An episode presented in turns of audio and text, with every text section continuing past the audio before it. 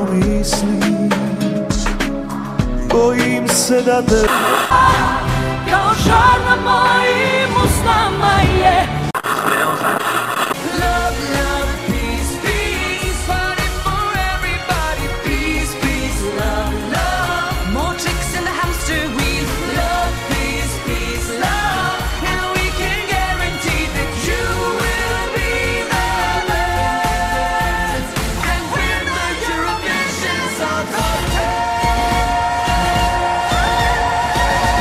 Ćao, dobroveče, dobar dan, slušate Eurovizijski podcast Love, Love, Peace, Peace.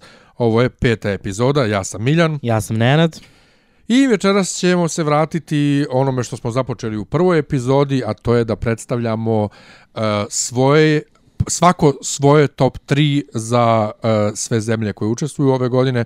U prvoj epizodi to je bilo prvih 14 po abecednom redu, a večeras, uh, odnosno danas, zavisi kada slušate, bit će to narednih 14, ali prije toga imamo neke druge stvari prvo da prokomentarišemo aktuelne ove nedelje, a to je, gledali smo Destination Eurovision u subotu prošlu, Jesmo. I, da, ti samo klivaj glavom, nisi, Klimam glavom, klimam glavom. nisi na televiziji, nisi na televiziji.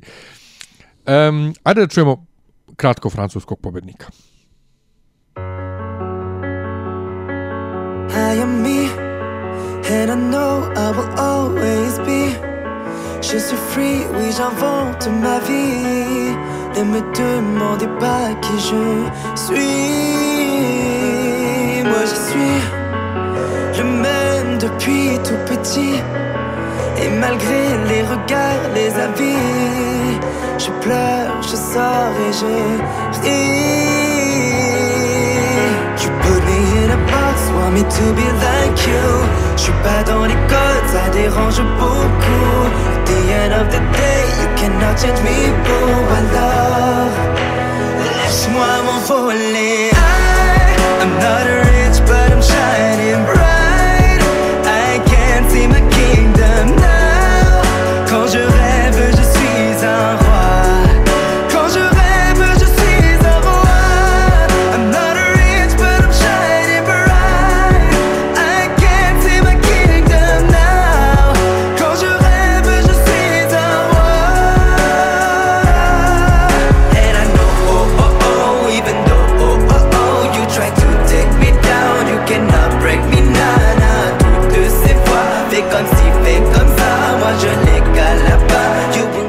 Dakle, nije pobedila ovaj naša nijedna uh, miljenica, ni ova Aisat, ni uh, Simon, nego uh, nesrećni... Pobedio je Bilal, dakle, pesma koju smo nekako pa i mislili da će da po- pobediti, jer ipak ovaj, je nekako u skladu sa svim što se dešava a, na Euroviziji, ovih a, je, mislim, uopšte a, u svetu, tako da taman, eto, Bilal Hasani ide u Tel Aviv a, i nastupat će za Francusku sa svojom pesmom Roa ili Kralj.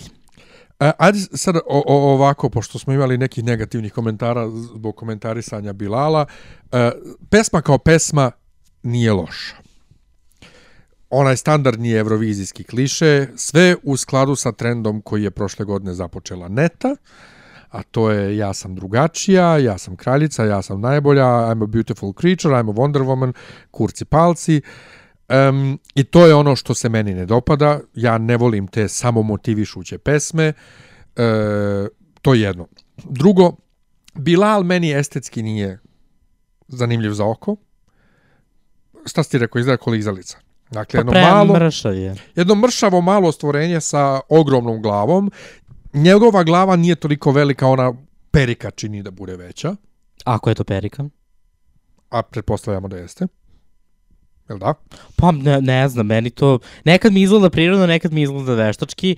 A, ako je perika svaka čast, a ako je možda samo izblejhana kosa, Pa ali ne sva- znam. I U svakom svaka slučaju, čast da. ima onda vrlo kvalitetnu kosu. Ali sve u svemu, I mm, nemam ja čak ništa ni protiv pod navodnicima iz feminiziranog muškarca koji igra kao, kao, kao žena s onim pokretima. Jebote, kazaki fenomenalno izgledaju kad igraju onim štiklama, ali on izgleda kao karikatura koja igra. I plus u finalu je užasno loše pevao. Pa da, evo ja baš gledam njegovu biografiju, ovaj, koja je to tako nekako, on, pa da, ima 20, 19 godina u ovom trenutku.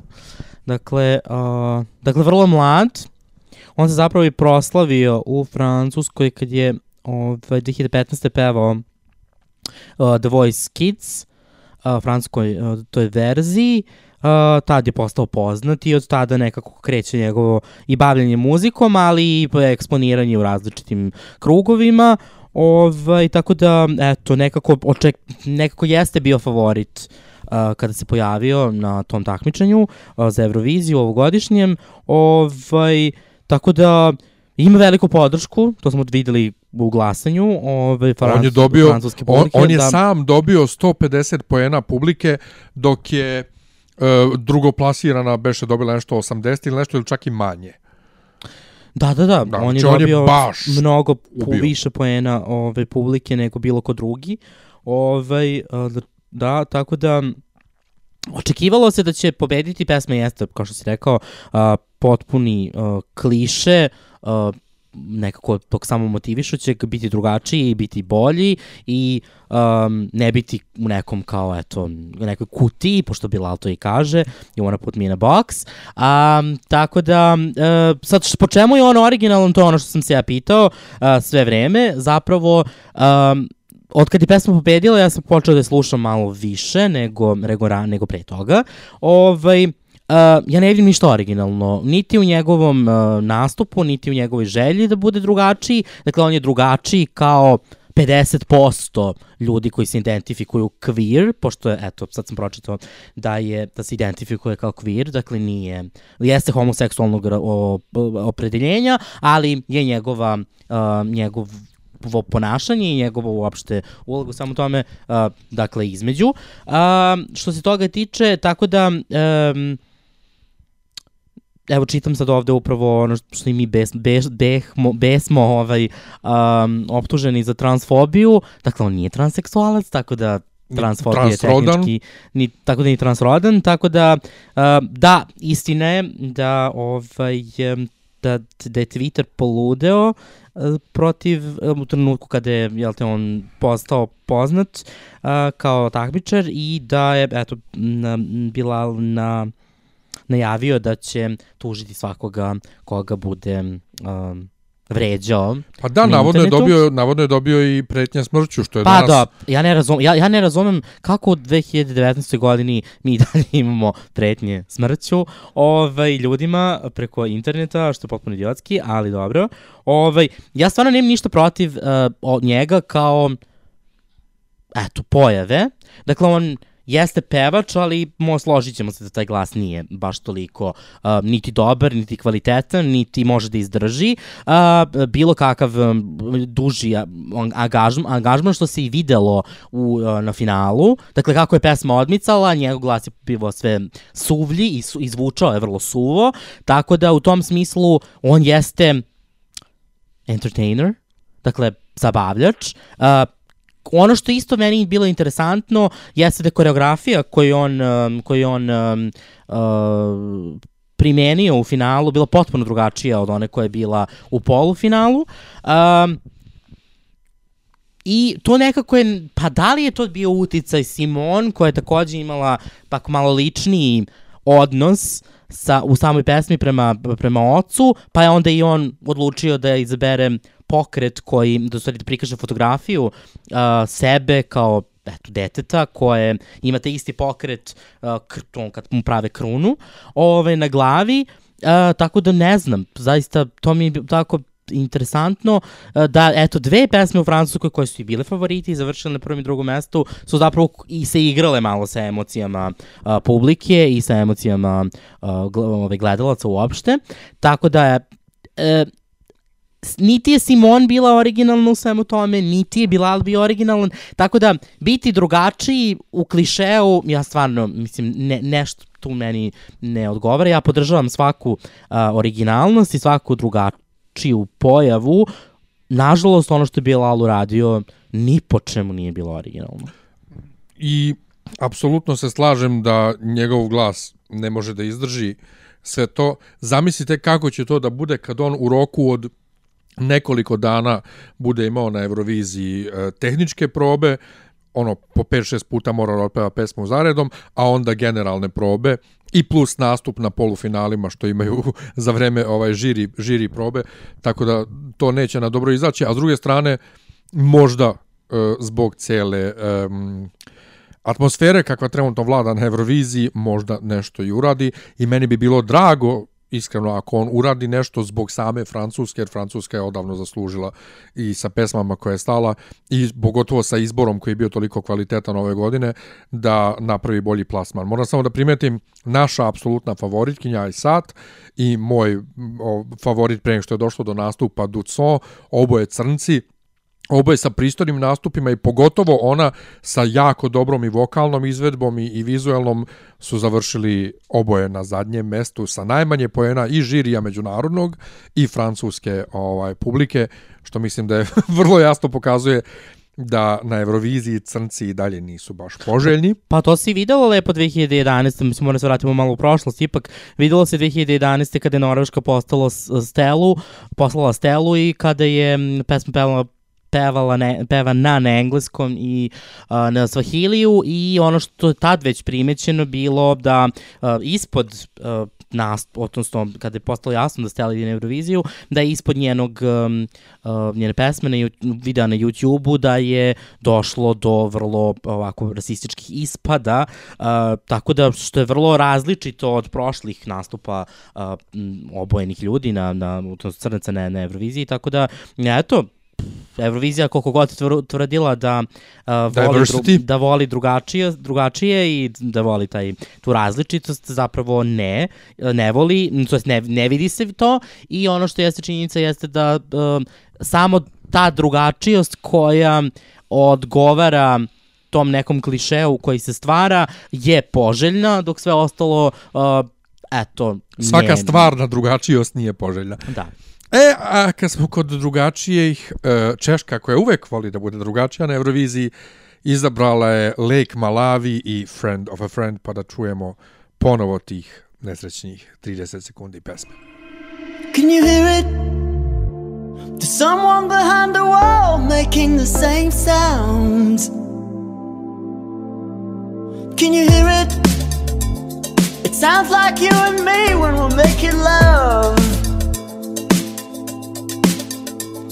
Who is it? You said you wish they weren't taking such a long time. She was my neighbor when we were 13. She moved back in. There's not much between us now, do you know what I mean?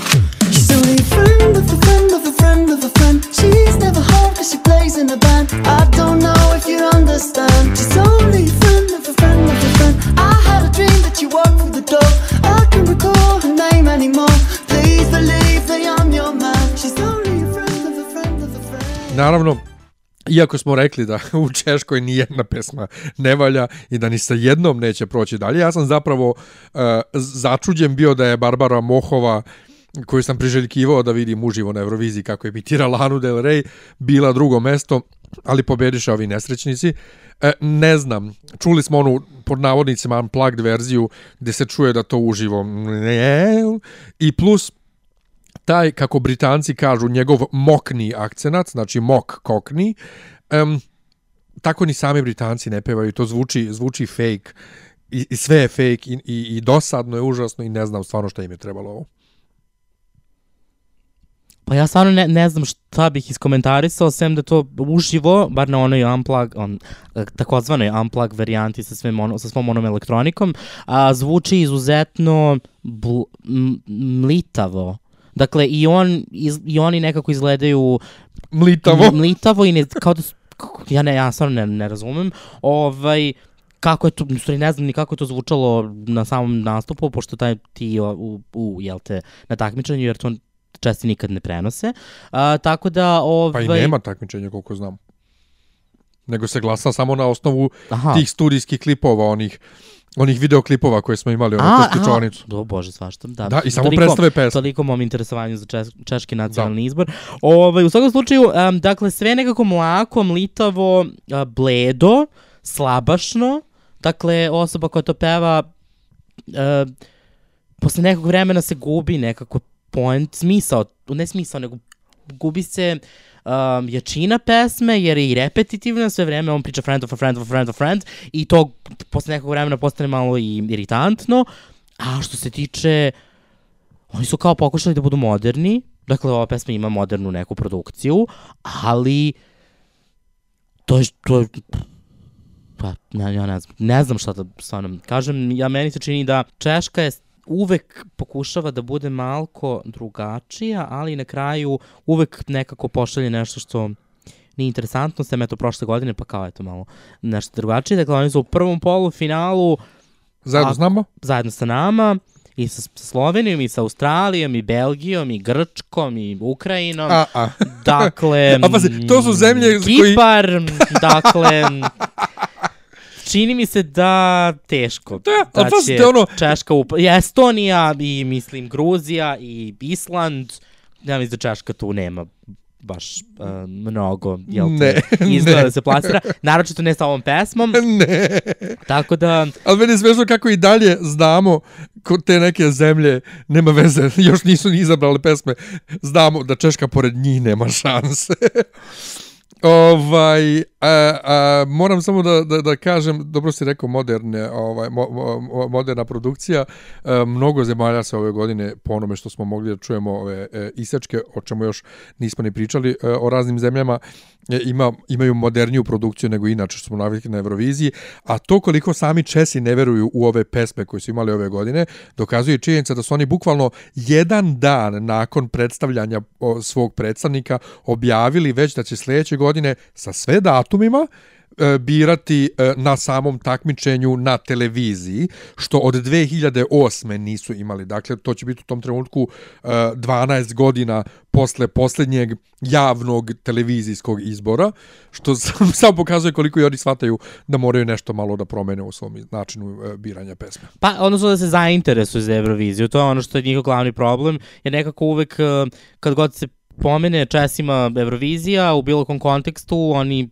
se prave kao da to ne postoji i godinama zapravo i interesovanje za Euroviziju bilo užasno malo, zato su i odustali posle 2009. taj prvi put uh, da, ne, ne, da ne šalju više pesme na Euroviziju upravo zbog male, malog, malog interesovanja uopšte javnosti, pa su eto prošle godine bili šesti, pa na neki način počeli ponovo da se interesuju, ali mislim da ove godine neće otići manje dalje od polufinala. Ma, to svakako, ali e, sama ideja da, mislim, pazi, meni po pojedinim zemljama e, nervira me što postoji međunarodni žiri, jer ja iskreno verujem u to da ako je žiri iz Srbije glasa u Švedskoj, da će on da gleda da e, bira lošije pesme za stranu zemlju.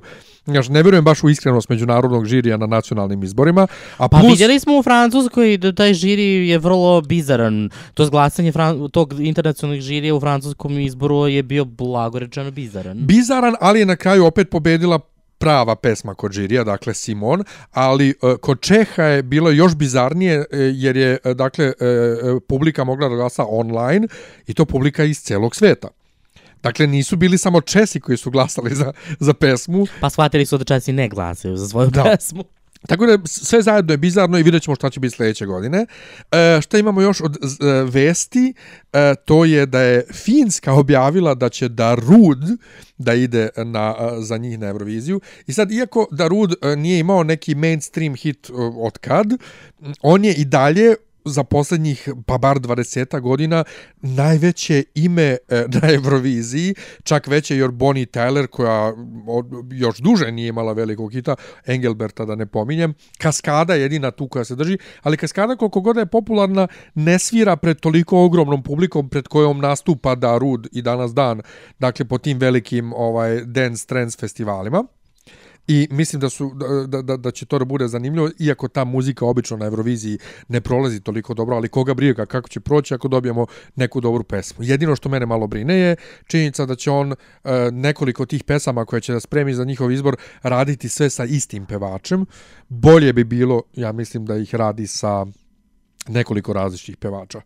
Šta ti misliš o elektronskoj muzici na, na Eurovisionu? Pa, e, pa nije baš da nije prolazila baš toliko dobro. U suštini kaskada nije prošla dobro jer uh, ono je stvarno zvučalo katastrofalno, a što se tiče nekih drugih um, elementa, mislim da čak na prava elektronska muzika nikad nije došla na Euroviziju. Dakle, sve što je dolazilo na Euroviziju je bila, je bio na neki način um, Eurodance. pa Eurodance upakovan u još nešto, tako da, m, tako da ne znam. Iskreno, može ovo da bude dobro, uh, samo zavisi šta, uh, šta će tačno oni izabrati. Dakle, bit će tri pesme, uh, koje će Darud napraviti uh, i izlazit će sukcesivno u nedeljama, drugoj, trećoj i četvrtoj nedelji uh, ma, februara. Uh, I onda će 2. marta biti to njihovo takmičenje koje će voditi uh, Krista Sigfrid i Miko koji je vodio Euroviziju. Tako da, uh, što se toga tiče, vidjet ćemo. Dakle, znaćemo već 8. februara prvu pesmu, 15. drugu i 22. Uh, treću, pa ćemo moći da prokomentarišemo to u nekoj od emisija Od koje budu dolazile. Čekaj, znači već uskoro imamo prvu pesmu od njih. Jeste, već osmo ćemo imati pesmu. ekstra. Znači ti, bit će tri pesme kao i prošle godine, ovaj, uh, tako da ovaj pevač sa kojima će, uh, pevač sa kojim će Darud pratiti, pesma se zove Sebas Sebastian Rejman, uh, tako da vidjet ćemo kako će to izgledati, ovaj, ali uh, može potencijalno hit. Austrija je isto izabrala pevačicu. Jeste, Austrija je izabrala mladu pevačicu koja se zove Pa ima neko... Čenda, Panda. Ja i danas dan, koliko god da govorim te germanske jezike, to A je zajedno napisano koje nije deo nemačkog jezika, to je više da, to gore dansko. norveška, danska, i to. danska, da. Mislim da se to čita kao E, znači sa, kao A sa dve tačke, ali možda i paenda, ko zna. Pa, nećemo reći panda, ali eto, paenda. Paenda, zvaćemo je Paenda, dakle njena pesma se, će, se ne, dakle, Paenda, uh, austrijska mlada pevačica, uh, koja eto, peva elektropop. Ja sam čuo jednu njenu pesmu, tako da bit će verovatno i, i ovo, ta njena pesma koja se zove Limits, uh, bit će verovatno um, inspirisana tom muzikom koju, koju ona sluša. Popularna je. kako Sluša ili čujem. izvodi? Kako? Pesmu, muziku koju ona sluša ili koju izvodi? Što sam rekao, slušam, onda Da. da. izvodi, da. ja se izvinjam. Dakle, koja muziku koju izvodi, tako da vidjet ćemo zapravo kako će izgledati. Dakle, tokom februara će biti izabrana njena pesma. Isto tako, mnoge zemlje su, koje nismo ko- prokomentarisali do sada, mnoge zemlje su izabrale pevače, ali još uvek ne znamo pesme. Tako da Kipar je izabrao pevačicu Tamtu. Uh, ona je već poznata već poslednjih 15 godina u, i, i, u Grčkoj, i, uh, i u Grčkoj i na Kipru. Uh, tako da njena pesma se zove Replay, bit će takođe izabrana tokom, uh, iz, uh, to je bit će predstavljena tokom, um, tokom februara. Zatim Uh, Belgija i Holandija su uh, izabrale svoje uh, pevače, o njima ćemo pričati nekom drugom prilikom kad budu i pesmu, izabrali, dakle Serhat se vraća za San Marino, sećamo se 2016. tog um, uh, kabare nastupa, vidjet ćemo kako će izgledati ove godine njegov nastup, zatim Jermenija je jedna od prvih zemalja koja je objavila koga uh, šalje na Euroviziju, pesma, uh, to je pevačica se zove Srbuk, tako da eto. Um, zatim, e, ono što je isto interesantno, Makedonija, ili Severna Makedonija, je izabrala svoju pevačicu i to će biti Tamara Todevska. Dakle, četvrt, tre- treći put na Euroviziji. Uh, Treći put kao, misliš kao... pa uopšte, četvrti put zapravo na Euroviziji. ja, ja ne znam koliko ona puta bila kao prateći Tri vokal. puta, ne, dva puta je bila kao prateći vokal i jednom samo, jednom kao um, Kao, act, kao vodeći vokal. kao vodeći vokal. uh, tako da eto, ona, uh, onda Mihajla Paće, Mihajla Pace, kako god, za Maltu, pobednica ovogodišnjeg uh, X Factor Malta, ili Voice Malta, čini mi se da je X Factor Malta, X da Factor Malta. Kao, To je Um, Malta, koga zanima. dakle, to, ko još? Uh, ostavi nešto Da, to iza... to, ne, to je to, neke to je sve. Da. Mi ćemo sada pređemo na uh, nastavak dakle naših top lista moje tri, to je deo koji smo već ranije snimili. Sad ćete da čujete ovaj koje su to uh, mojih top 3 i Nenadovih top 3 za narednih 14 zemalja. A mi se čujemo već vrlo brzo sa našim reakcijama na uh, ove uh, prve predstavnike, to jest prve finaliste u Švedskoj i tako dalje, ali o tom potom uživajte u naše tri I pripremite se za veoma, veoma zauzet februar. februar. Stali smo na Francuskoj i prva sljedeća zemlja uh, koja sledi je Gruzija, vrlo neinspirativna zemlja, a uh, njen prvi nastup na Euroviziji, sad ću da lupim verovatno, je bio 2007. kad smo mi pobedili, jel da? Jeste. Yes! Viš kako ja znam ponešto.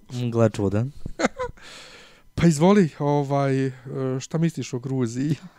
Pa Gruzija je stvarno jedna od onih zemalja koje biste eto volili da da je, da je nema na Euroviziji ne biste ove, ne biste ni primetili tako da eto te 2007. više puta je bilo u finalu nego što nije bilo u finalu međutim posljednje, posljednjih godina posljednje dve godine um, joj ne ide vrlo često je slala pesme upitnog karaktera, upitnog kvaliteta, ove, tako da na neki način um, je vrlo teško bilo izabrati tri pesme koje m, bi predstavljale eto taj neki top 3.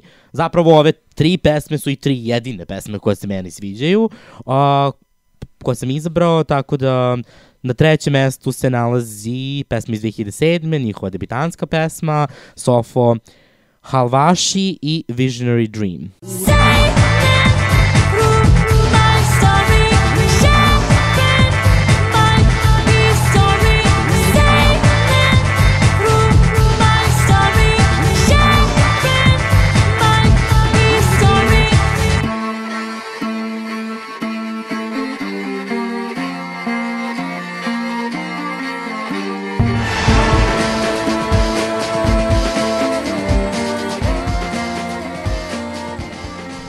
Na drugom mestu se nalazi pesma iz 2011.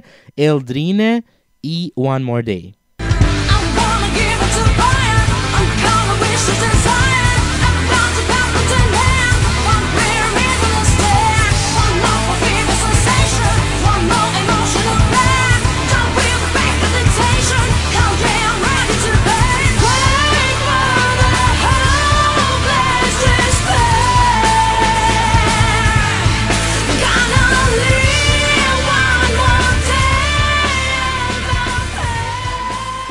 Prvom mestu je pesma iz 2015. Nina Sublati i Warrior.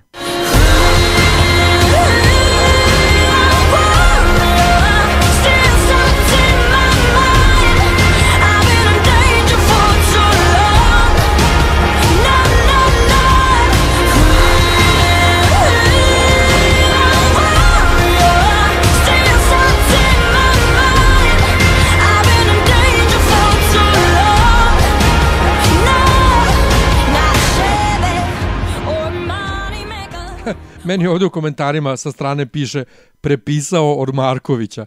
Dakle, te tri pesme su i meni top 3 s tim što je meni Sofo uh, na prvom mestu, Visionary Dream 2007. Eldrin drugo mesto i Nina Sublati treće mesto. Uh, moram samo da kažem, uh, meni se ni jedna od ove tri pesme ne dopada stvarno. Jedino što mogu koliko toliko da slušam je Sofo, a jedino što imam zanimljivo da kažem za, za, za bilo koju od ove tri je da su na probama u Helsinkiju igrači njeni ovaj za Visionary Dream s onim svojim mačevima razbili binu. Uspeli su da razbiju binu. Eto, to je to.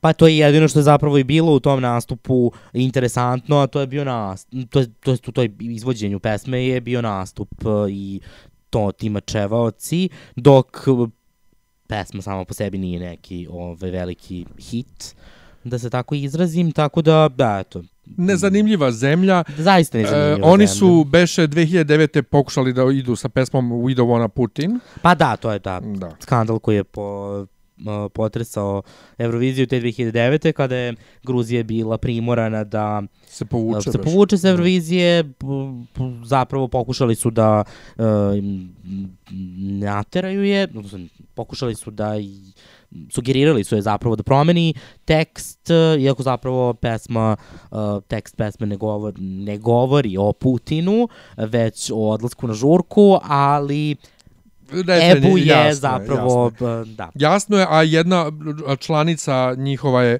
prošle godine beše nastupala. Pretprošle, 2017. Pretprošle.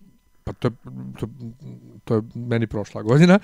Na Euroviziji Ovo je to- 2019. tako da Ovaj, ona je bila sa onom Mariah Carey tripovima, ali ne.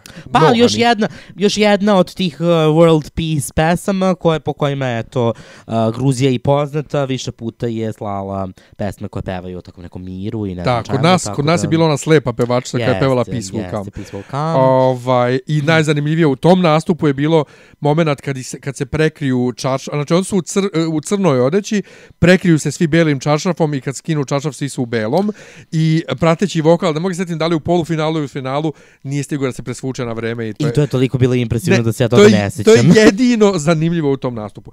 Ajmo dalje, Nemačka. E, Nemačka beš isto od početka se takmiči ili ne? Jeste, od 1956. do sada 62 puta. Dva puta je pobedila. Prvi put kao zapadna Nemačka, drugi put kao ujedinjena Nemačka. Tako da eto, ta, origin, ta Nemačka koja je počela da se u takmiče 56. je zapravo bila zapadna Nemačka. Zemlja koja, eto, ne je impresionirala na Euroviziji, uglavnom, uh, više puta je tako bila osrednja, nego što je zapravo bila uh, pri vrhu. Uh, u 21. veku češće pri kraju tabele nego u vrhu tabele. Uh, imala je jedan kratak revival 10. 11. i 12. kada je bila u top 10 ali od tada pa do ove godine, to je do prošle 2018. godine, uh, bila je na dnu, dva puta i poslednja i sa nula poena, tako da e, od Nemačke možete očekivati sve i pitanje je da li će uspeti da vas ili razočara ili um, impresionira. Da, to je kod Nemaca jako zanimljivo što su oni ili totalno razbijaju koliko su, koliko su dobri i koliko budu popularni, čak i nekad sa potpuno uh, nejas, meni, meni lično nejasnim pesmama kao 2004. onaj Max što je bio, što je bio jako popularan. Ali je bio Turčin. Ovaj, a, to je fora. Ovaj, ali e, meni je bilo toliko lako da odaberem tri omiljene pesme iz Nemačke, tako da sam na treće mesto, nažalost na treće mesto, stavio Kaskadu 2013. godine i Glorious. Tonight we can be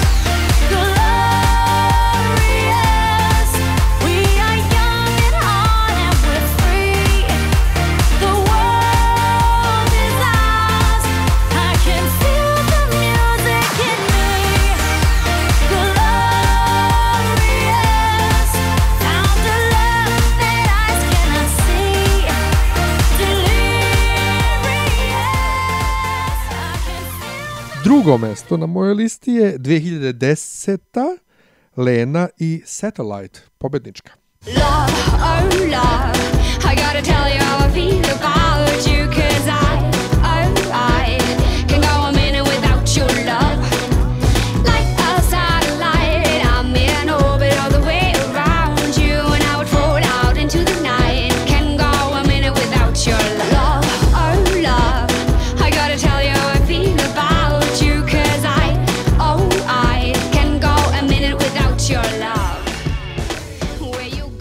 najomiljenija pesma Nemačke, svih vremena zapravo, je 2011. Lena ponovo i Taken by a Stranger. Taken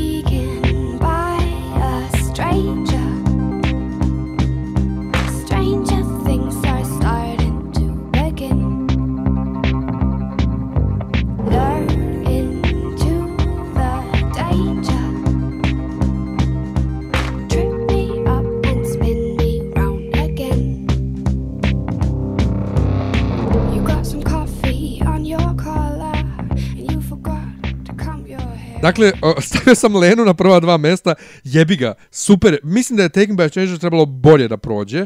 Mislim da su oni e, spermatozoidi u nastupu malo ujebali, ali bio jako modern nastup i što je neko iskomentarisao, ovo je jedini nastup na Euroviziji koji može odmah da ide na MTV. E, Za Glorious moram da kažem, e, ona žena super peva i super je pevala akustične verzije te pesme i super je pevala na nemačkom izboru. Ali prvo što su skratili pesmu na 3 minuta, malo je bilo neprirodno zvučalo onda i na probama, ja sam gledao snimke sa proba, pevala je jako dobro. Šta se njoj desilo u finalu? Da je njoj uh, pobegao ritam, očigledno nije čula matricu i da je onako krenula da pro- prokreštala je puko je glas, ne znam, jako mi je žao šta, što se desilo kako se desilo, lepa pesma koju danas da volim da slušam. A Satellite nikad ne preskačem, slatka je, lepa je, super je. Pa, meni se Kaskada i Glorious nalazi na prvom mestu, jer je, um, ima ritma, uh, dob, lepa je, uh, i Kaskadu volim generalno, van Eurovizije, uh, tako da se Glorious nalazi na prvom mestu, Lenina pesma Taken by a Stranger, uh, koja je po meni mnogo bolja od Satellite, uh, se nalazi na drugom mestu. Ja Satellite ne shvatam, nisam shvatao ni kad je pobedila, nisam shvatao ni sad, ni dan danas, nekako kao da je namenjena za um, dečiju pesmu Eurovizije, a ne za jel te pravu, tako da što se tiče Lena je slatka, sve je to E, ali razlika slatkom. između Lene kao Lene 2010. i 11. a? Pa da, ogromna razlika i ona je sva tako bila devojčica 2010. i imala taj kokni akcent, malo ona Amy Winehouse style, ali je na kraju, meni se jednostavno to nije dopalo, pobedilo iz nekog razloga, ne, to je jedan od onih neobjašnjivih pobednika. Na seriji. A, žao mi, ali Znači, nemam neobjašnjivi, ti oči neobjašnjivi pobednik za mene. A, tako da 2011. mi je bo, mnogo bolja, mnogo sigurnija, mnogo interesantnija. Uh, Taken by a Stranger i na de, trećem mestu se meni nalazi pesma iz 2001. Uh, Michelle i Where Liebe Lebt. Der Liebe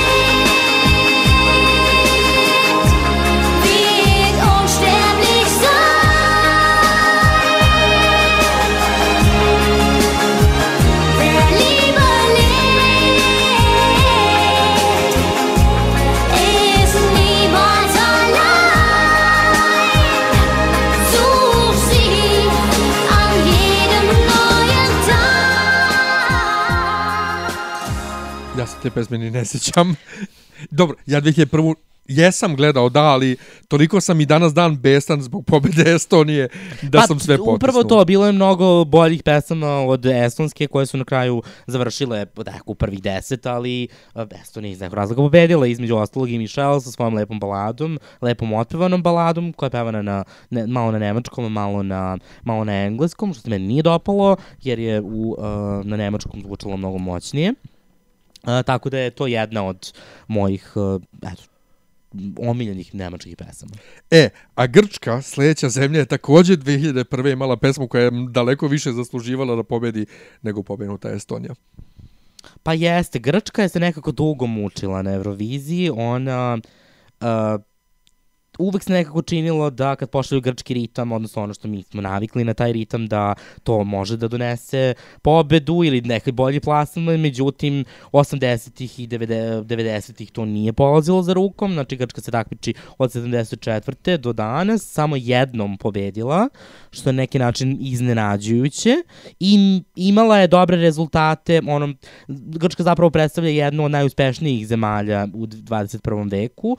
Oni su imali um, mnogo top 10 rezultata, um, šta više, imali su 10 za redom top 10 rezultata, što je, ovaj, što, što je zapravo veoma impresivno. Um, Međutim, poslednjih godina nešto tu neštima. Dakle, od 2012. i afrodizijaka pa do, do danas jednostavno nisu povratili uh, taj uh, uspeh koji su imali sredinom uh, ovih poslednjih 18 godina, tako da um, uh, vidjet ćemo šta nas očekuje u ovoj godini, ali um, nadamo se da će se vratiti toj nekoj staroj matrici koja ih je i dovela do tih uh, velikih uspeha. Da, Grčka je među našim fanovima Eurovizije jedna od najomiljenijih zemalja. Gle čuda. I ovaj, pa da, ono kao, kao, gle čuda. Ali meni je zanimljivo da ovo je jedna od redkih zemalja, znači jedino Grčka i Srbija na ovom spisku, kad smo pripremali koje su nam tri omiljene pesme, je jedina gde je bilo dovoljno da sebi napišem godine. I da znam tačno kad vidim godina koja je to zemlja, za razliku od ovih nekih, pogotovo ovih, ovaj, gde sam rekao da, da je iznuđeno, ovaj, gde, gde ono moram, moram, moram sam tačno napišem ime pevača i ime pesme. E, ti bi mogao da predstaviš svojih top 3. Da, na trećem mestu, na mom trećem mestu je pesma iz 2015. Uh, Marija Elena Kirijaku i One Last Breath. I'm begging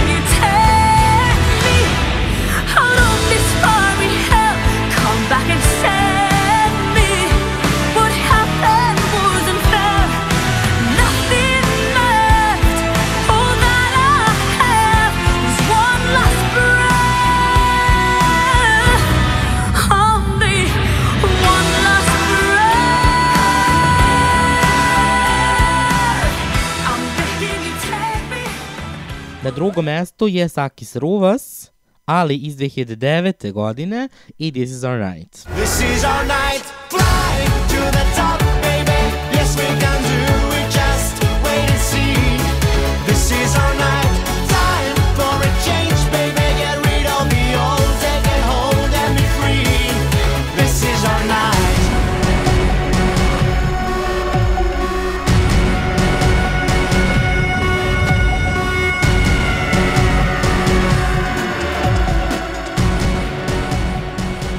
I na prvom mestu je pesma iz 2001.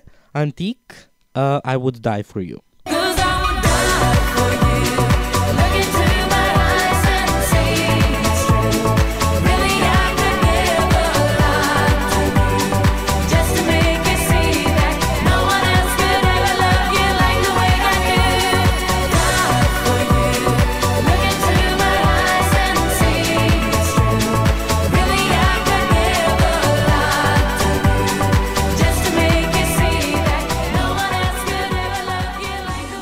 Ok, um, Sakis, Iznenađujuće pomalo? Sakis u Moskvi je bio užasno iritan, iritantan, čujem, kao što je bio Dima kod nas. Dakle, došao je bio sa namjerom, ja sam pobedio, eto, nije pobedio i nije to isti Sakis kao 2004. kada je svima bio simpatičan. Prosto kažem da tvoje, tvoje te pesme, tvoje treće mesto, ja se njih uopšte ne sjećam.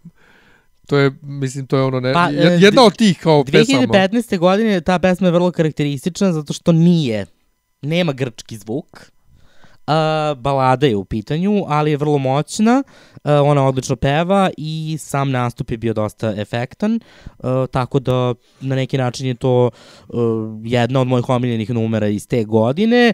Sakis mi jeste bio simpatičan 2004. Međutim, nekako mi je to delovalo neozbiljno i tako prešareno i i jeste ta pesma Shake It bila izuzetan letnji hit i jedna od pesama koja eto i dan danas se može čuti kod nas na nekim radijskim stanicama, ali je nekako produkcija ove druge pesme i nastup bio dosta i, i, i dosta nekako ubedljiviji.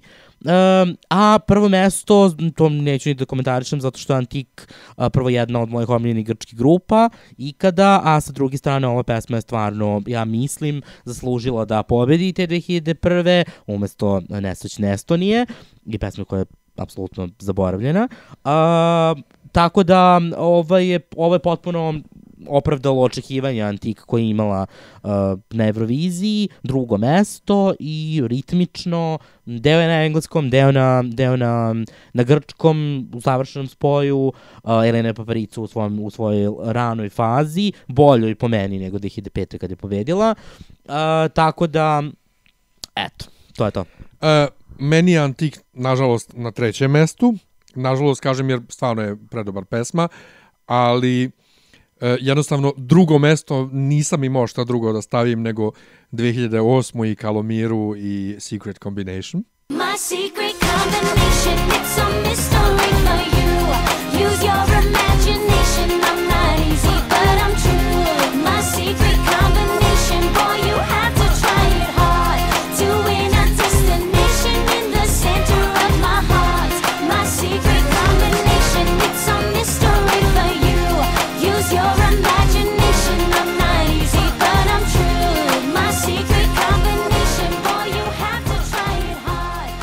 prvo mesto, koliko god da ti mislio da ne valja, e, pobednička e, pesma 2005. Helena Paparizu i My Number One. You are the one,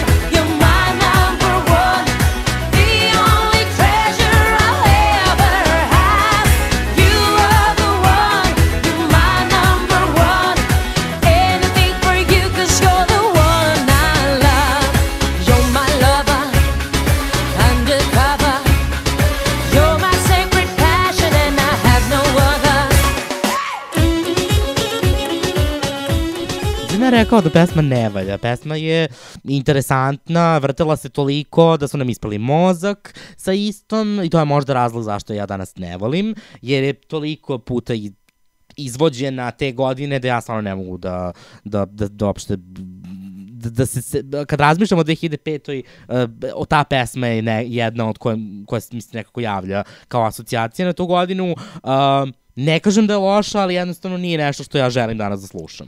Ja i danas dan volim da je čujem i sjećam se traume glasanja, zato što negdje od polovine glasanja ona uopšte nije vodila, ovaj, nije bila ni blizu pobede, um, ali znam da ti ne voliš 2008. nikako i Ne, Kalamira je stvarno... Ta pesma je i ritmična i dobar nastup, ali ona je toliko iritantna i toliko iritantno peva i toliko iritantno eh, je to sve zvučalo i ona izgleda, ne, nije mi se dopalo apsolutno ništa Ona je mr, osim m, ritma. jedno mršavo stvorenje ravno, a pokušava tamo nešto da mrda dupetom i to. Verujem ja tebi, ali jednostavno Ne, ne, ali ona- kažem, pokušava da mrda dupetom, ali ono kao ne izgleda dobro. Pesma mi je lepa i ajde njen taj glasić mi se nekako uklapa. Inače, Laka iz Bosne se s njom sprdao na preskonferenciji, dobacivao je Kalomira, I like your voice. A ona je bila, thank you! Jadna nije. Pa dobro, Laka. Nije, ona uopšte nije skapirala. Lako nećemo da komentarišemo, pošto Ne. Bosna ne, učestvuje. Nego, ovaj, Mađarska. Mađarska.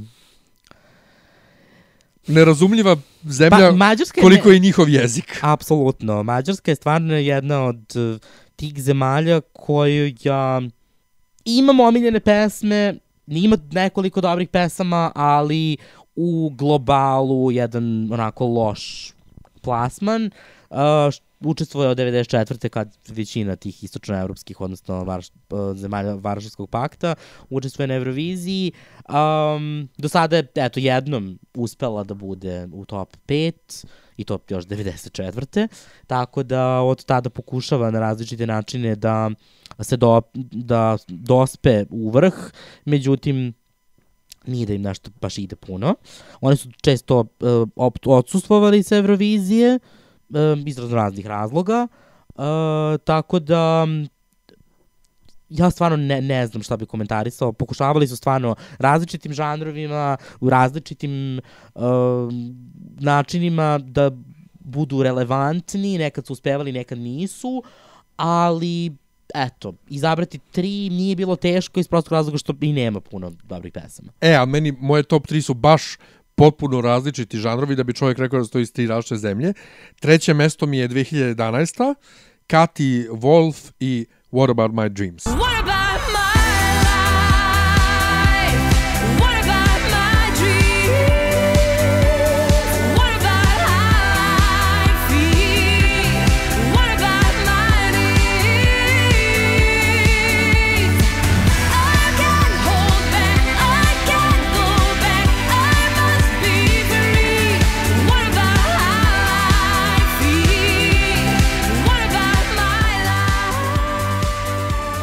Drugo mesto, a sada nešto skroz drugačije, je 2017. i Joci Papaj i Origo.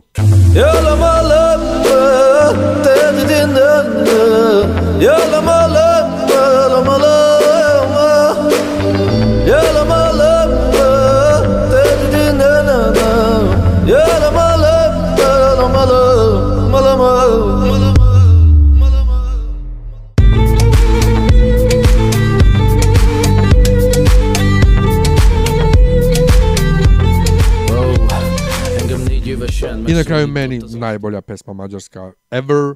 2005. moja omiljena godina ponovo Nox i Förog Vilag. Elvágyom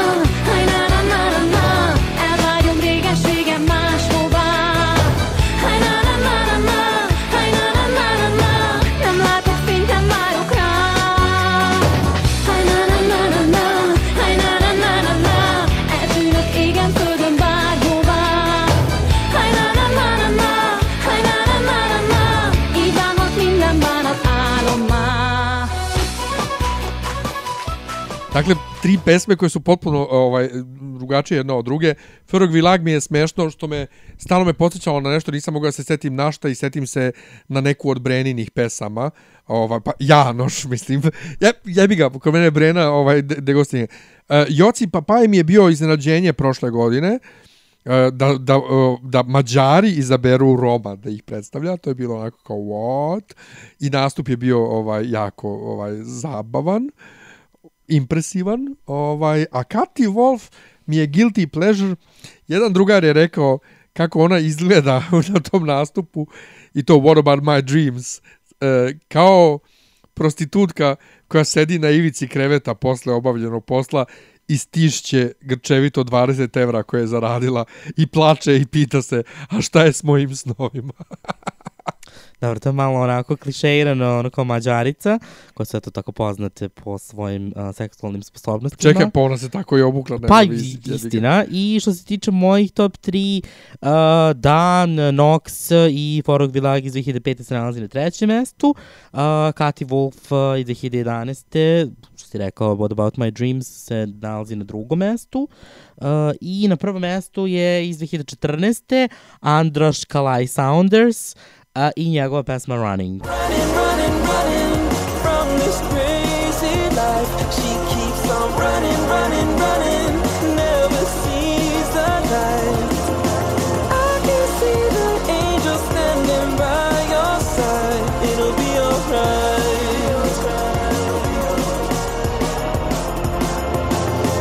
She's back again, just one more time. Just wants to A, meni je to bilo malo iritantno. Pa meni nije bilo iritantno u smislu... Uh, jeste neka produkcija, recimo iz neke 2005. 6. jer je to kao neki, pa šta bi ono bilo, neki drum, uh, drum and bass pomešan sa nekim, nekom elektronikom, što jeste malo zastarelo u tom nekom savremenom smislu, ali... Ali na Euroviziji je to skroz novo. je to apsolutno novo, tako da i razlog zašto on završio u top 5 je bio verovatno zato što eto, je zvučao malo uh, drugačije. Uh, meni se dopada tekst te pesme, recimo, uh, i poruka te pesme, tako da što se toga tiče, eto, to je razlog zašto je um, on na prvom mestu. Island. Pa što se tiče Islanda, on ima svoje momente koji su uh, zanimljivi i ima svoje momente koji uh, su tako malo um, neobjašnjivi. Uh, Šta se upravo desilo? Taj fazon. u pravu si, uh, I- Island učestvuje od 86. godine na Euroviziji, do sada je samo dva puta bio na drugom mestu um, i vrlo često šalje balade i po tome je poznat. Uh, od kada je jezička barijera uh, ukinuta, uglavnom šalje pesme na engleskom sa jednim izuzetkom iz 2013. kada su poslali na, na, ovaj, na islandskom, što je bilo onako malo osveženje u pesmama koje su, u moru pesama na engleskom. Um, nema uspeha poslednje četiri godine na Euroviziji, završava uglavnom uh, bez plasmana u finale, uh, tako da vidit ćemo šta će biti ove godine. A što se tiče uh, prvih tri, Um, na trećem mestu se nalazi pesma uh, numera iz 2012. godine Greta Salome i Jonsi, duet uh, Never Forget. Never forget what I did, what I said when I gave you all my heart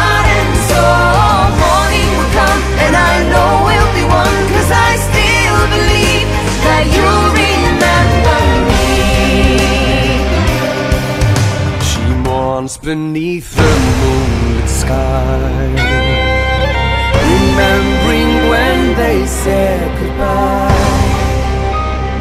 The one? Na drugom mestu je pesma iz 2009. Johana i Is It True. Is it true?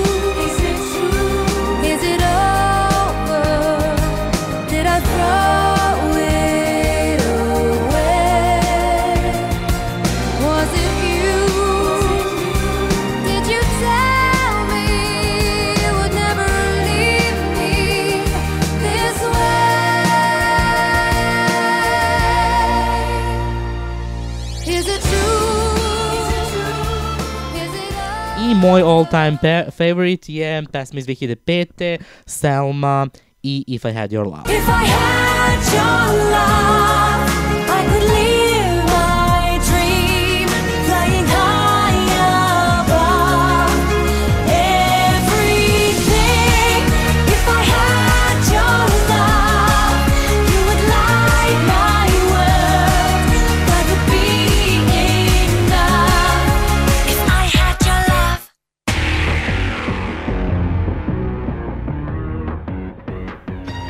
Da, Selma je e, u mnogo, mno, kod mnogo fanova jako popularna e, i dan danas, a jedino što nam se poklapa ovde je 2009. s tim što ona kod mene na trećem mestu.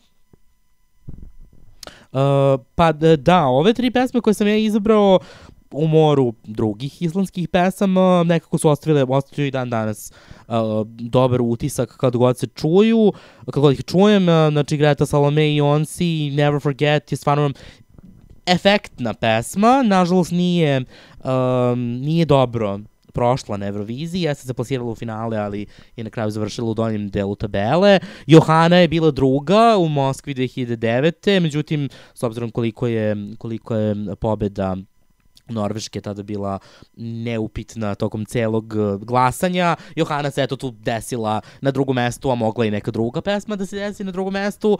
Podjednako, ali lepa balada, ona odlično peva.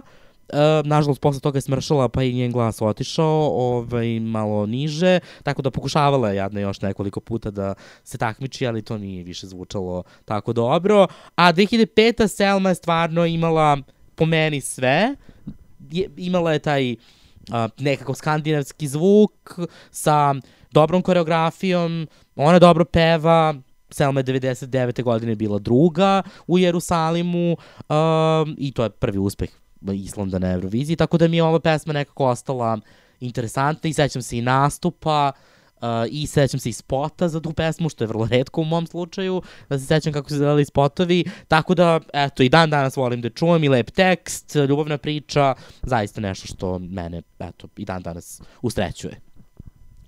Um, dakle, meni treće mesto Johana Is It True. Na drugom mestu 2008. Beograd, Euroband i This Is My Life. I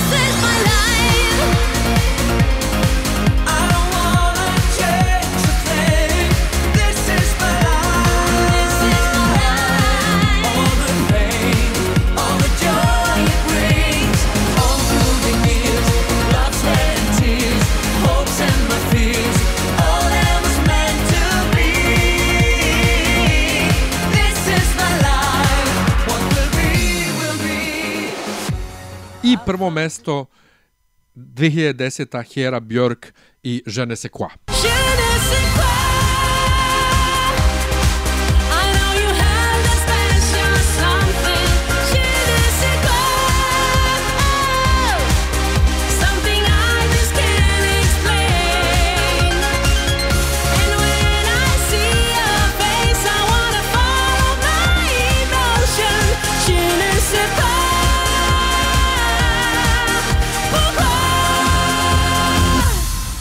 Ono što je smešno u ove moje tri pesme je e, zajednički e, činilac e, sve tri pesme su pevač iz 2008.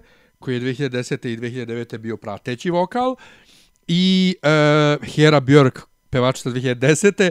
koja je 2008. i 2009. bila prateći vokal. Izgleda da u tom e, Islandu imaju samo par ljudi koji baš baš umeju da pevaju, pa onda su oni svake godine na Euroviziji. Pa 200.000 stanovnika, ne može očekivati više. Da, ali ono što je fenomenalno uh, jeste što se ovde vidi koliko ja volim generički uh, švestonski pop, ova, jer 2008. i 10. su baš to. Ono najgeneričkije moguće pesme, ali imaju lepe melodije i predobro su otpevane. E, 2008. je i jako lepo snimljena i efektno urađen nastup, tako da ovaj navio sam svim srce za njim, za njima, za njima, kao prestolonaslednik, za njih, ali um, jebi ga 2008. je bila jako teška godina ovaj da se neko probije u top 10. Pa 2008. je jedna od pesma koju ne, mo ne možete zaboraviti, ima dobar ritam, jedna od bržih pesama te godine, naravno bilo je nekoliko brzih pesama te godine, ali ona isto se isticala. Sa druge strane, a to jeste neki europop koji je tih godina bio popularan, možda malo više vuče na 90. u, neku, u nekom smislu, ali um, podjednako aktuelno. Um, A što se tiče 2010. Uh, Hera Bjork je stvarno odlična pevačica, uh, zaista izuzetnih vokalnih sposobnosti. Uh, međutim, ta pesma jeste jedna možda od omiljenih islamskih pesama mojih, ali pregenerička je. Meni To je samo- jedna od onih pesama koje, eto tako, možda čujete deset takvih pesama i sve, Sve su sve, iste, sve da. vuče i sve E, zvuči. meni je žao samo što ona poslednji ton visoki nije otpevala uh, i na Euroviziji i na konačnoj eurovizijskoj studijskoj verziji onako kao na islamskom izboru gore visoki ton, a spot je bio fenomenalan, bre, gde ona ide na onaj bazen i, i ska, skače u bazen, ako se dobro sjećam. Ja se stvarno ne Ba, sećam baš, toga. baš bilo onako kao, what the fuck. Nego, hajdemo dalje na zemlju koja i dalje drži rekord uh, po broju pobjeda, a to je Irska. Jeste, Irska je pobedila sedam puta, na toga tri puta za redom, između 92. i 94. Uh, od 65. je na Euroviziji, međutim, uh, u novom milenijumu jedna od tih zapadnoevropskih zemalja koja se nije snašla, da tako kažemo, um, tako da uh, češće je van finala nego što je u finalu, dva puta je bila poslednja. Um, u poslednjih 18 godina, tako da um, teško, oni uglavnom pokušavaju da, da šalju ili pop ili rock, ni jedno ni drugo im baš ne polazi za rukom, uh, nekad, jedin, da, umeju da budu nekad različiti, uh, kao što su radili sa braćom Jedward, pokušavajući da budu različiti, ali ovaj, ni to baš nije um, iz, izvalo više pažnje nego pred druge neke pesme, ali uh, svakako jedan mlak mogu slobodno reći, nastup u posljednjih 18 godina. Meni su uh, jako dosadni u posljednjih 18 godina i bilo mi je, osim prvog mesta, jako teško da odaberem prve tri, što će ponovo, kao u slučaju Belorusije, pokazati moje treće mesto, a to je 2008. Dustin the Turkey i Irlande Duze Pois. Drag acts and bad acts and Terry Wogan's wig. Mad and sad acts. It was Johnny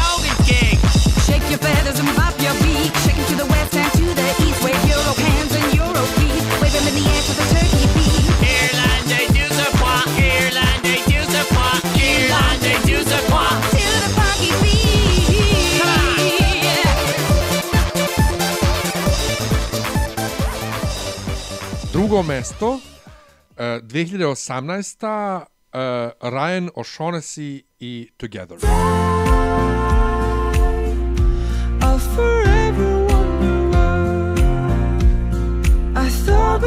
Together till we die. I'll forever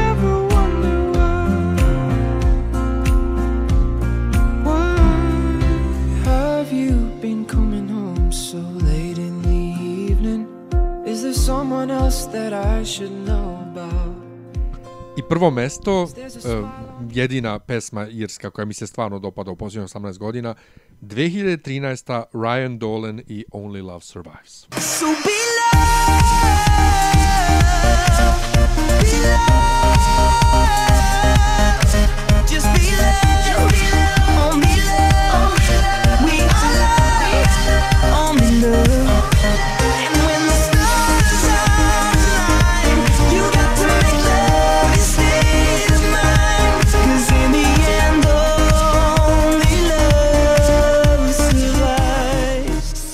Stavio sam Dustina na treće mjesto. Pa ja mislim da ovo je jedno red, redkih eh, puta da nam se zapravo sve tri razlikuju. Dakle, ovo je, nemamo zajednički ukus što se tiče Irske, uh, jer na trećem mestu se nalazi numera iz 2010. od uh, Niame Kavano uh, It's For You.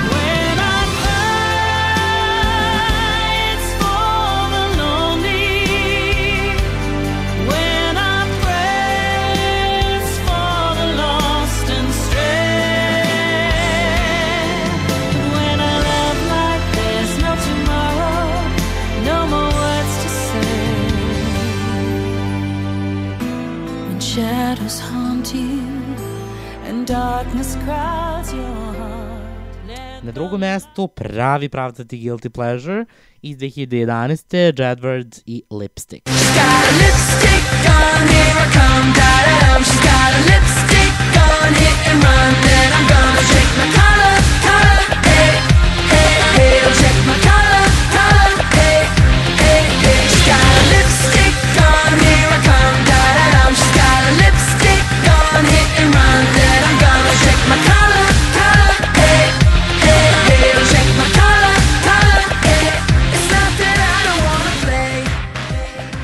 2014. je, pesma iz 2014. je na mom prvom mestu, uh, Kan Lin i Casey Smith, Heartbeat. Keep your head high above the water.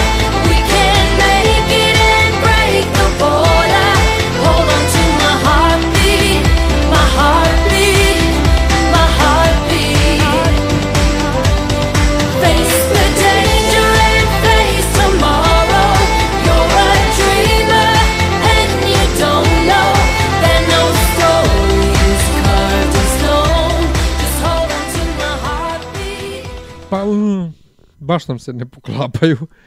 Ne znam, ne, ja Jedward, em, ja sam gledao baš tu sezonu X Faktora. Sam gledao od početka do kraja, kad su oni bili, i njih dvojica su bili toliko grozni, toliko ne umeju da pevaju.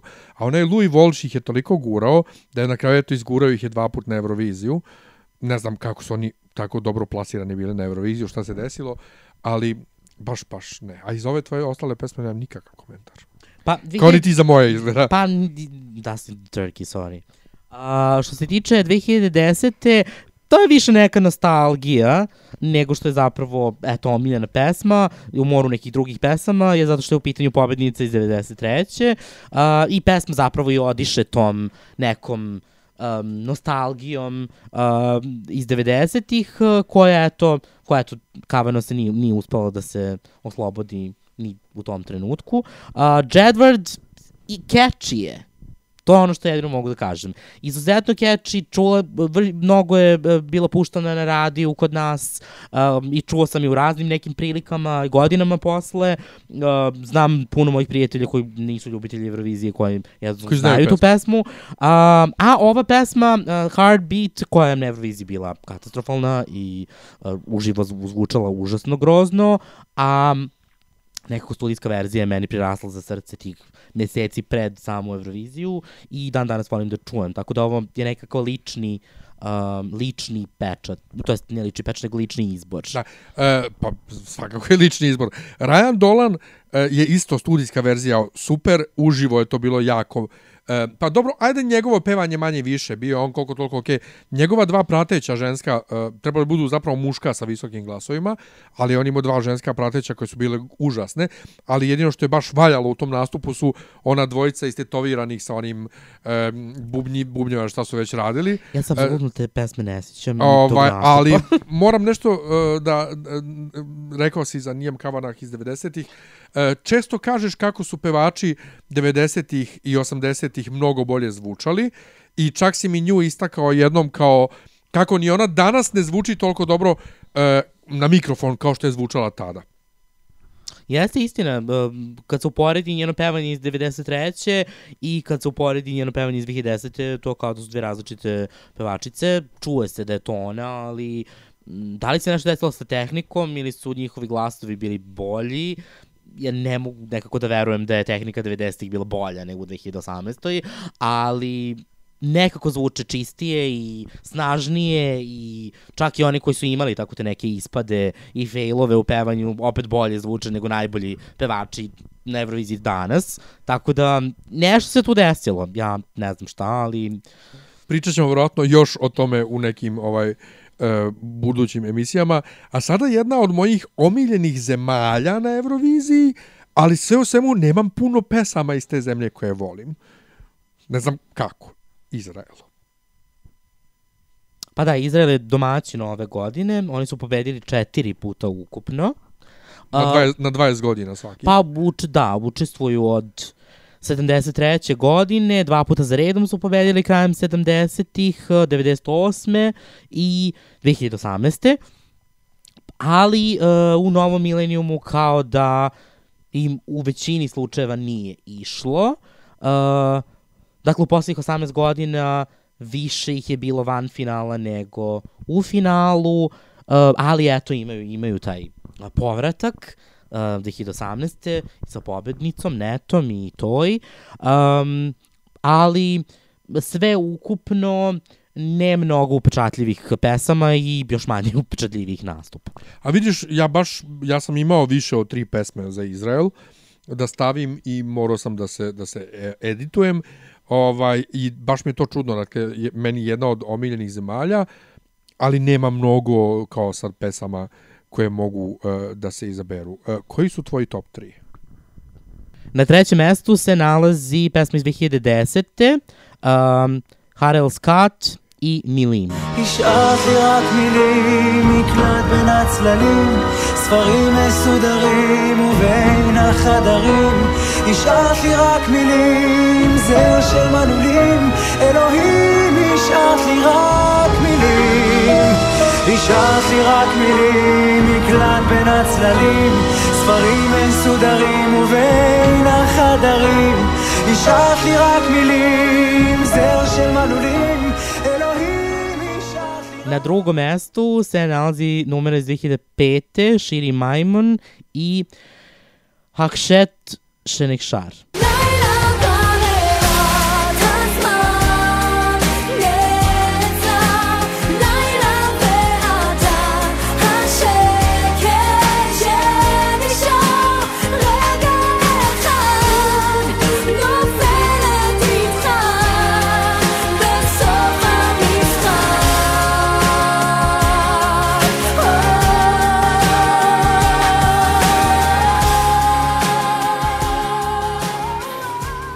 I na prvom mestu se nalazi pesma iz 2013. Moran Mazor i Rak Biš, Bišvilo. Rak Bišvilo!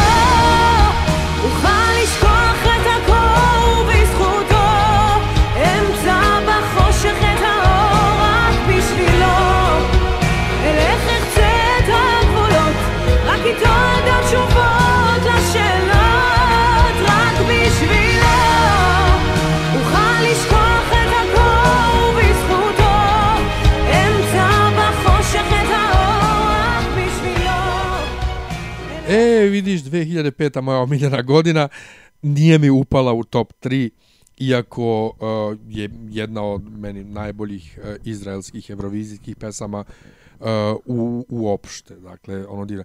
Mili im mi nije nikad prirasto za srce, pogotovo što je on išao direktno posle Boaza, koji je bio onako sav uh, sladak i lepa pesma i lepo otpevano.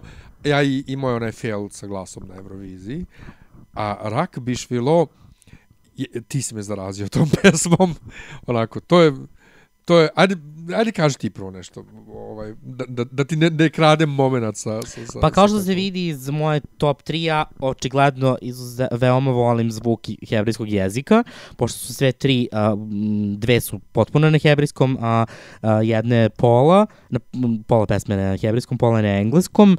A, ja zaista nekako... A, os, kao da osjećam to što oni pevaju, iako hebrejski ne znam, uh, I nekako svaki put kada pevaju na, na, na hebrejskom meni to zvuči wow i nevrovatno i interesantno i uvek biraju da pevaju balade na hebrejskom što je opet dobar, dobar način da se da, da, da imaju uspešan, uspešnu godinu i e, Rugby Švilo, nažalost, se nije plasiralo u finale 2013. i ja sam bio beskreno tužan zbog toga, um, ali ja i dalje mislim da to je jedna od um, njihovih najboljih pesama i najboljih nastupa i pevačica stvarno um, izuzetna. Um, da, mi, um, uh, Harel Scott je imao taj um, promašaj tona, um, onako vrlo vrlo uočljiv uh, u finalu. Međutim, u polufinalu je dosta dobro pevao i na neki način uh, opravdao svoje mesto u samom finalu. Shiri Maimon je bila apsolutno bez, uh, bez ikakve dileme nešto najbolje što je Izrael ikada poslao i vizuelno i um, vokalno uh, i pesma zaista divna i taj eto prvi deo na hebrejskom, drugi deo na engleskom um, zaista nešto što ne zvučalo je magično jednostavno. Uh, tako da um, to su ne, to je, to je moj izbor. M, Zaista nekako kad pevaju na hebrejskom, meni to zvuči magično Jest, i ima, ima neku magiju. Ne, slažem se da je Širi bila ovaj, magična, ali da je baš najbolje m, Ofra Haza je Ofra Haza. Nego, da čujemo, A dobro, jedna od, nisam rekao da je najbolja. ja, ja sam shvatio da jesi, ali dobro, izvini. E, meni je na trećem mestu e, 2015. Nadav Gueđ i Golden Boy. I'm a golden boy, come here to enjoy. I'm the king of fun. Let me show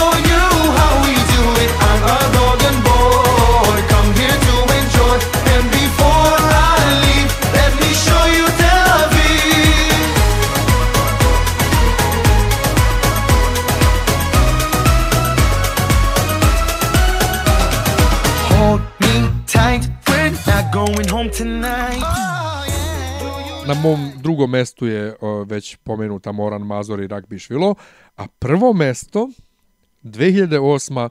Boaz Mauda i Fire in Your, Fire in your Eyes. Love.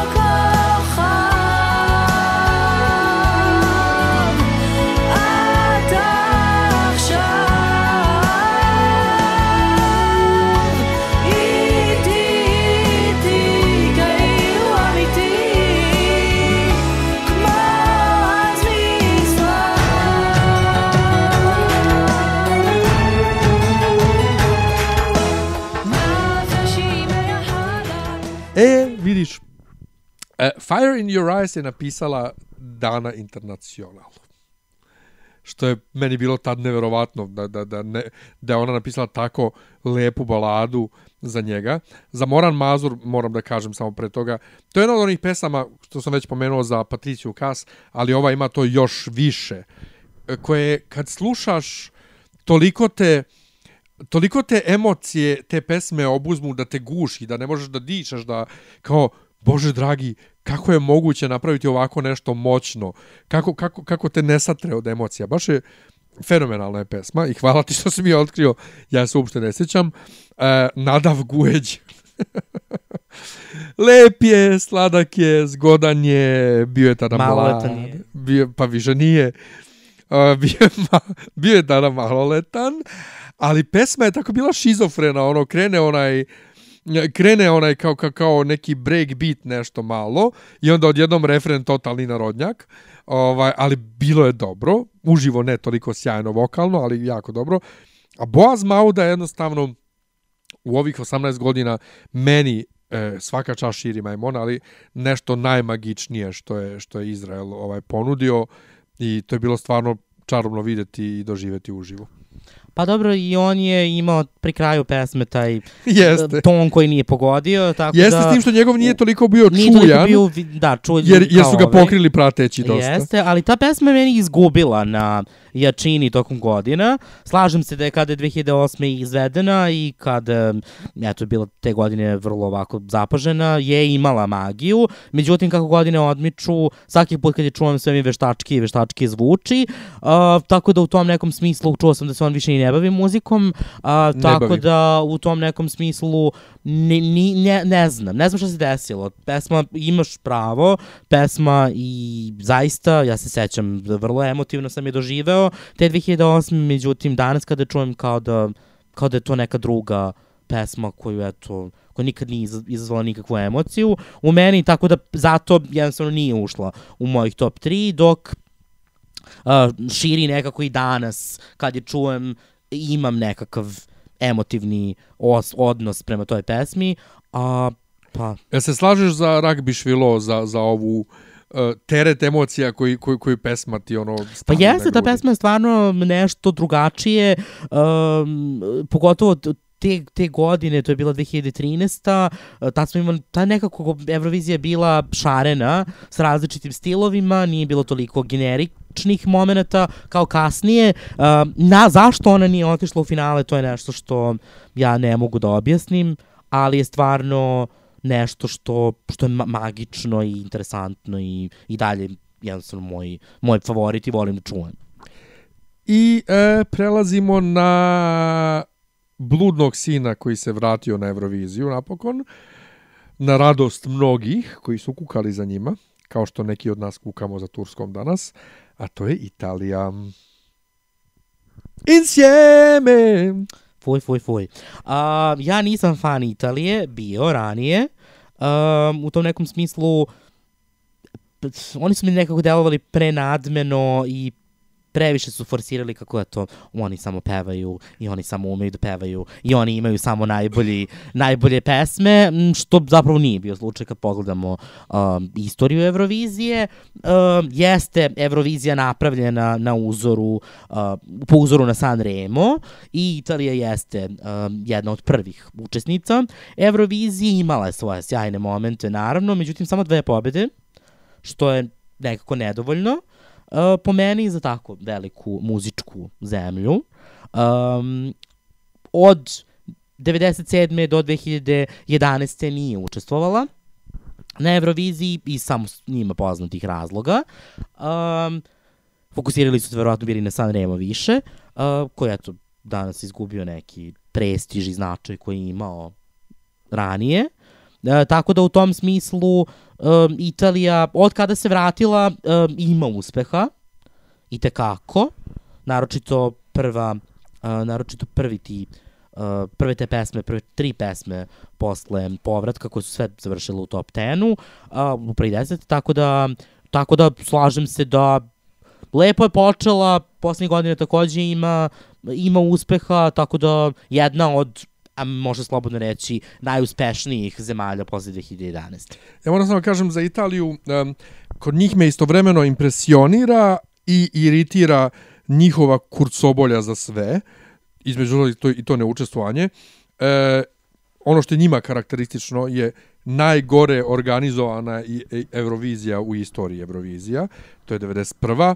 E, prvo što su sve vreme pričali na italijanskom, iako je to na Euroviziji zabranjeno, dakle mož, mora engleski i francuski. E, zatim e, tehnički problemi u sred Karolinog nastupa kojim je pobedila u sali je ne, ugasilo se ozvučenje. Znači oni su na gluvo odsvirali i otpevali za nas koji smo čuli to na televiziji, svaka čast Karoli. I e, takođe bilo je problema sa orkestrom. Znam da je e, gitarista valjda dva dana pred Euroviziju napustio orkestar i zamenio ga neki drugi i onda je grčku pesmu urnisao ovaj da li on, da li saksofonista, neko je urnisao grčku pesmu, znam, a i bilo je problema sa e, Baby Doll, imala e, sa orkestrom problema nekih, tako da ta Eurovizija je bila baš ono užas i od njihovog povratka ta prva pesma uh, koja je bila ono 2011. Uh, je, baš je bila kao mnogo popularna i visoko, meni nešto se nije dopala, ali uspeo sam da odaberem tri pesme koje su mi kao ajde okej, okay. uh, pogotovo prvo mesto mi jako žao ovaj, što nije pobedilo, ali hajde da krenemo iz početka. Treće mesto 2015. Il Volo i Grande Amore. che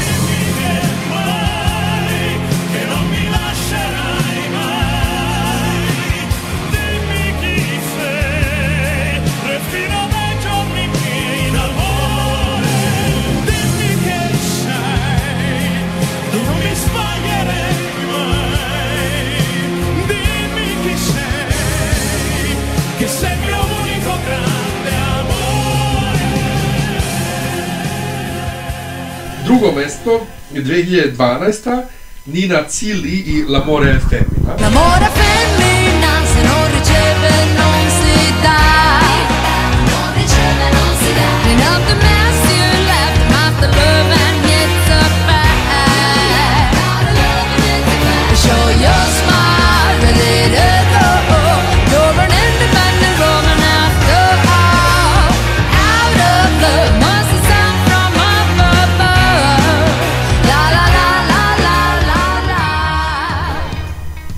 I prvo mesto, naravno, 2017.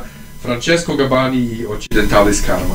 Lezioni di Nirvana, c'è Buddha indiana, per tutti un'ora d'aria di gloria. La folla grida un mantra, l'evoluzione inciampa, la scimmia nuda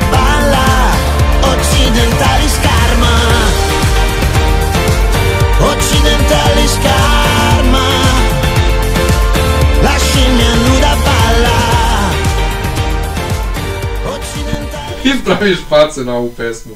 Šta je? Pa, ta pesma je... On je čovjek koji je, eto, Sanremo u Italiji očigledno ima nekakav um, još uvek uticaj. Francesco uh, Gabani je i napravio karijeru na, uh, na dva Sanrema. Jedan 2015. kada je bio pobednik tih uh, novih zvezda, da tako kažem, i 2016. kada je pobedio na velikoj, uh, na 2017. u stvari kada je pobedio na velikoj, na velikoj sceni. Uh, a međutim, ta pesma je pretendovala da bude ozbiljna, da bude sa porukom, uh, međutim, meni je to jedna onako pesma koja je loše s- nekako je sklepana, deluje da je sklepana, nastup nije bio ni, ni malo impresivan, iako je trebao da bude, um, tako da i on je nekako delovao čudno, ne interes, ne, kao ne, da je bio nezainteresovan, ali to je ipak samo možda neki italijanski manir. Um, tako da on nije ostavio na izboru, na, znači samo, u samom finalu, nije ostavio utisak koji je možda želeo. Jedan od redkih potpuno izrazitih favorita, a da ne pobedi. Jeste, šest je Slažem se. Na Euroviziji je delovalo ovaj mlako u odnosu na ovaj na Sanremo. A pesma kao da je izgubila neku, da, pa izgubila je energiju, to je ono što se meni čini nekako da ono na Sanremu i ono što je bilo na, uh, izvedeno na samoj Euroviziji u Ukrajini uh, bilo, bilo je blago, mlako, ne, ne, ne znam. I onaj majmun koji se pojavljuje, malo koja je poenta njegova tu, uh, osim što se pojavljuje u tekstu pesme, ali mm, Pa mislim Ne da razumemo italijanski i znali smo, pošto... pa razumem Sve. je to. nije- A, e, Grande Amore sam stavio na treće mjesto, iako ja rekao, stalno ponavljam, mrzim, mrzim poperu. Mrzim il divo, il krivo i te slične, il volo i, i, i slično, ali e, ovih dana mi se često pojavi na YouTube-u i odslušam je svaki put. Ne znam, ono kao možda sad sa distance kad nisu pobedili mogu da ovaj kažem pa okej, okay, kao dobro je, ono kao u redu. Nije mi, ne bi mi smetalo da su pobedili na kraju. Pa, e, to, ta pesma se nalazi na drugom mestu kod mene. E, Jedna od ovako impresivnijih italijanskih pesama. E, I generalno i nastup je bio impresivan i dobro, vokalno nisu baš zvučali ujednačeno, ali su na kraju im, na kraju su poslali tu poruku koju su, koju su želeli, zaista jedna lepa ljubavna pesma, nekakav spoj opere i pop zvuka, tako da on to je na mom drugom mestu uh, iz razloga što zaista jeste bilo impresivno u poređenju sa većinom um, drugih pesama koje su poslali. Što se tiče tvog, tvog drugog mesta i Nine Cili, um, ja, ne, ja ne mogu da volim tu pesmu iz prostog razloga što Nina Cili je pobedila na Sanremu sa jednom drugom pesmom, Per Amore, ne, Per Sempre, ja se izvinjavam, koja je bila mnogo bolja i mnogo kvalitetnija, međutim, nažalost, skraćivanjem na 3 minuta ta pesma bi potpuno izgubila poentu, jer zaista, a, tako da ova pesma odgovara, ali ne, nije se našla u prvih tri mojih omiljenih. A, moja treće mesto je zauzela um, Francesca iz 2016. i No Degree of Separation.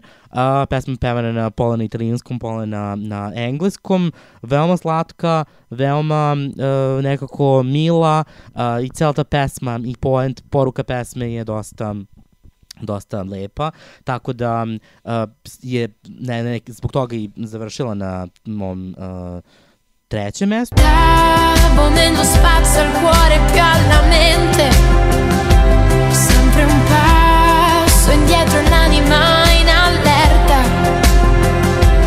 E guardavo il mondo da una porta mai completamente aperta. E non da vicino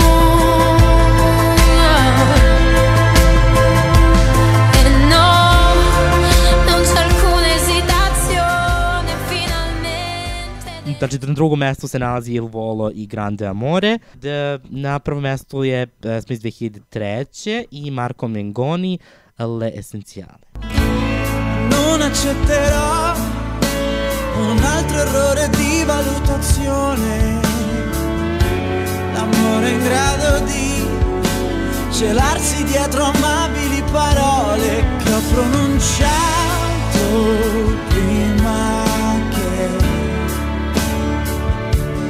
fossero vuote e stupide.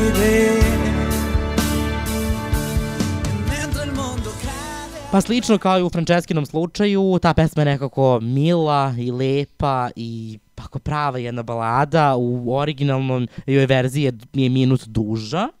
Tako da, uh, uh, zaista divan, jedan sveden nastup, um, izuzetni vokali, uh, Marko je, Menjoni, Mengoni je danas veoma popularan, da je danas od tamo po, pojave svoje je popularan u Italiji, uh, tako da ja uvek, uvek se nekako sa, sa o, radošću uh, vraćam toj pesmi.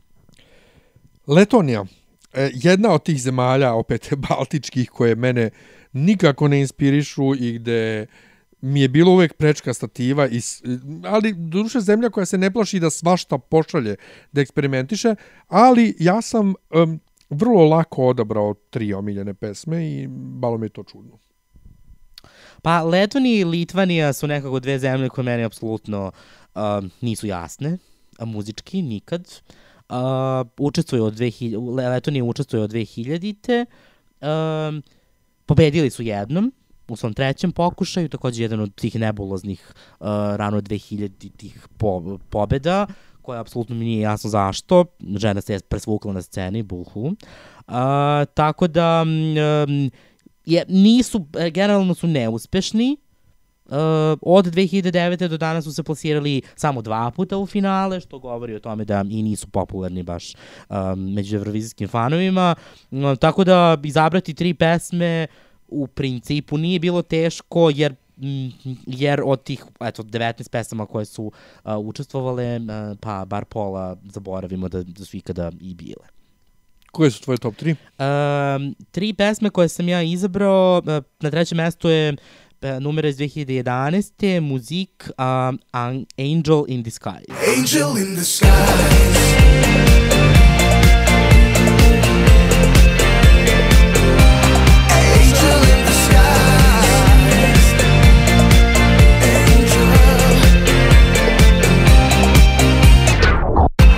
Now the day goes by, not without you. Crossing my mind, if you only knew. Keep hope alive. I have faith in you. Two words collide. Na drugom mestu se nalazi pesma iz 2015.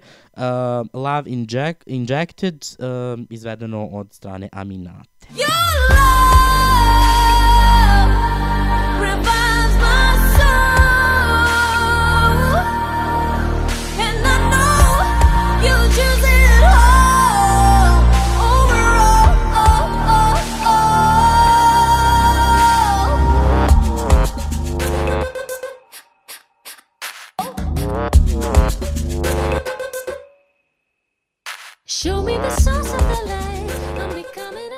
I na prvom mestu se nalazi pesma iz 2016.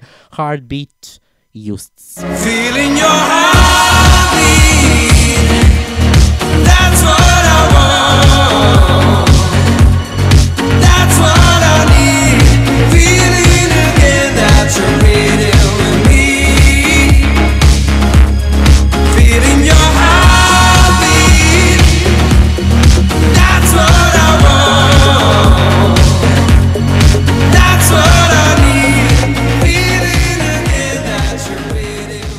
Zanimljivo da ti je Just na prvom mestu, on je meni e, na trećem, a Aminata mi je na prvom.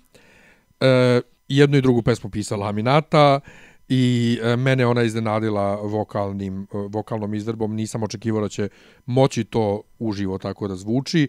Pogotovo kombinacija pratećih, kao što sam hvalio kod ovaj e, Belgije, što se čuju iz pozadine, iz daleka. Ovde isto savršen odnos njenog glasa i pratećih i filtera koji je korišćen na njenom mikrofonu e, koji da, onako zvuči, pa zvuči kao CD, baš je, baš je dobro urađeno i nastup je bio jako dobar i impresivan. Just je bio okej, ali meni ne bolje od trećeg mesta. A ove tvoje druge, treće pesme se ni ne sjećam. Ovaj, pa slažem se da je Minato bila impresivna vokalno i da je zaista ta pesma zvučala kao, stud, kao studijska verzija. Um, međutim, ne, ne je naporna. Posle nekoliko slušanja postane naporna, a Just je nekako imao tu laganu energiju, uh, jeste imao bit koji se ponavljao, ali nekako to je imalo um, zvuk um, otkucaja srca, pa je na neki način i meni bar simpatičnije nego Love Injected koja je vokalno sjajna, ali opet ponavljam dosadna. A ova treća pesma eto je, je iznuđena, lepa, meni se dopada, ništa nije uradila, zapravo nije se ni plasirala u finale, ali eto meni nekako draga. Meni je drugo mesto, 2017. e, Triana Park i pesma Line. One-way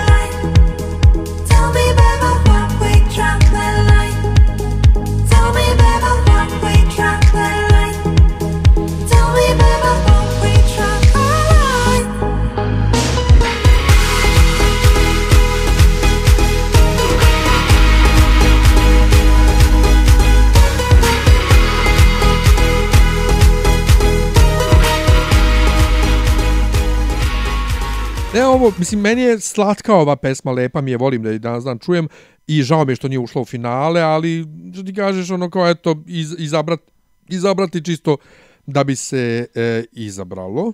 E, možemo, mislim, da odmah pređemo i na Litvaniju. Pa možemo na Mislim, meni je sve to što ti, što ti reče malo pre Letonija, Litvanija, to stvarno nikad nisam razumeo, ali i ovde sam, Uh, pa danas kad sam, kad sam, kad sam pripremao ovaj prethodno spremljene pesme, uh, zbunio sam se svojim trećim mestom jer ne sjećam se te pesme ovaj, sa Eurovizije, ali to samo govori o tome koliko je meni Litvanija neinspirativna zemlja. Pa Litvanija je debitovala 94. do sada 19 puta je nastupala. Um, relativno neinteresantna zemlja, reklo bi se, um, eto, tu je da popuni broj. Zapravo više puta je bila u finalu nego van finala, što je zadivljujuće.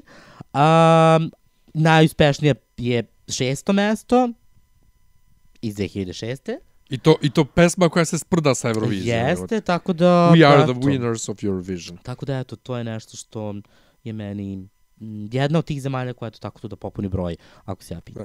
Meni je e, treće mesto pesma iz 2002. Ajvaras i Happy You. Watching the sunrise, beautiful red skies, hoping this day will never end. Singing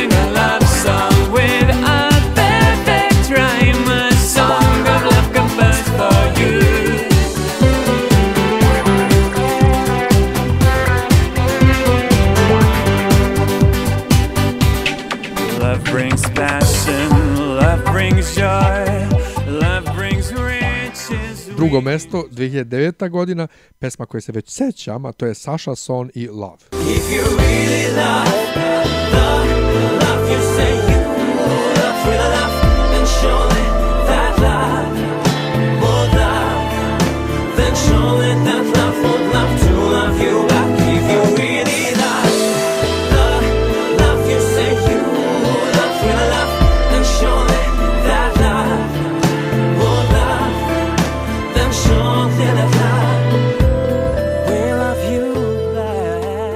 prvo mesto, definitivno jedina njihova pesma koja mi se stvarno dopada, a to je 2010. In Culto i Eastern European Funk. Get up and dance to our Eastern European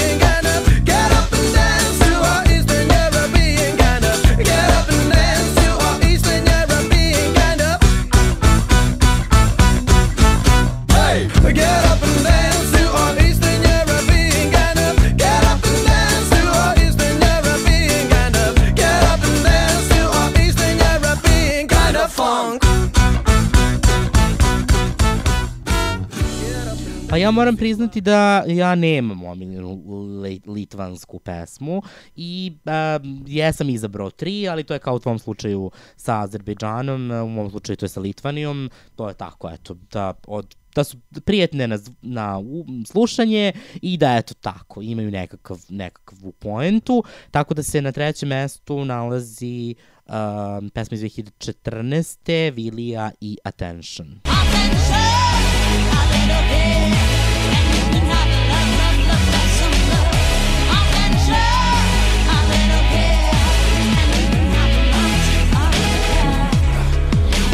Do you dream of Papa in your bed? Keep on dreaming. You gotta give it to you all I had. Hey, not that was night. You said that it might be the first sight. Na drugom mestu je pesma iz 2012.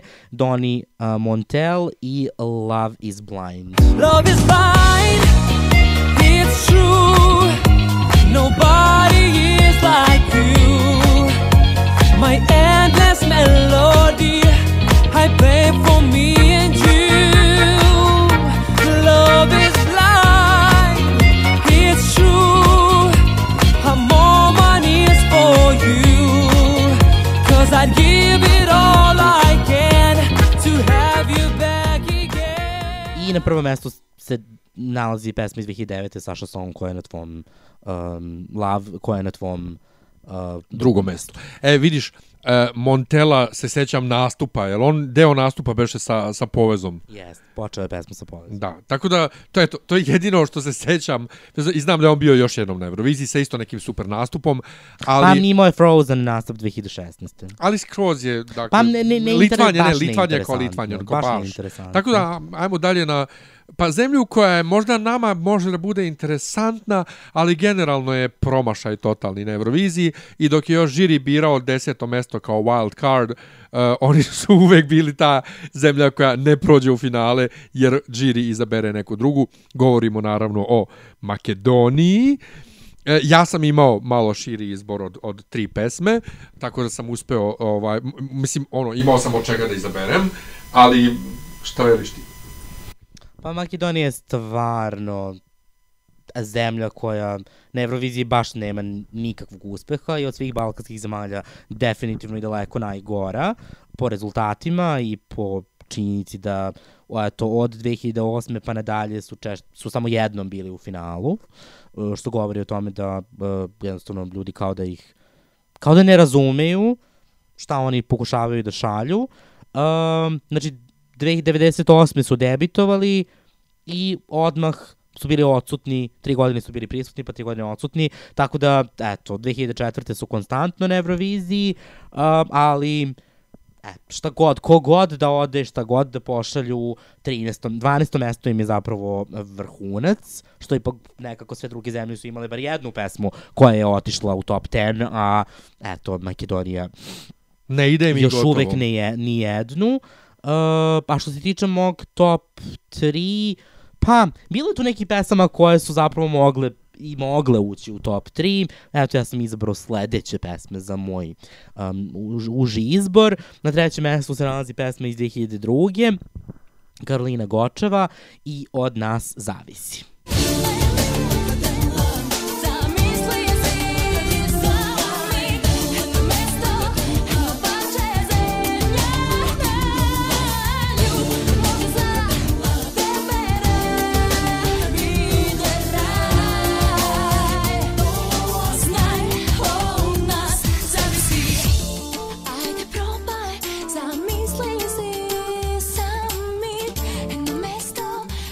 Drugom mestu se nalazi uh, pesma Elene Ristesken i Najna iz 2006. što je ujedno i najbolji plasman Makedonije na Euroviziji. Dance with me, na na na na na na na. Sing with me, na na na na na na na. I wanna be with you. I wanna give it to ya. Dance with me,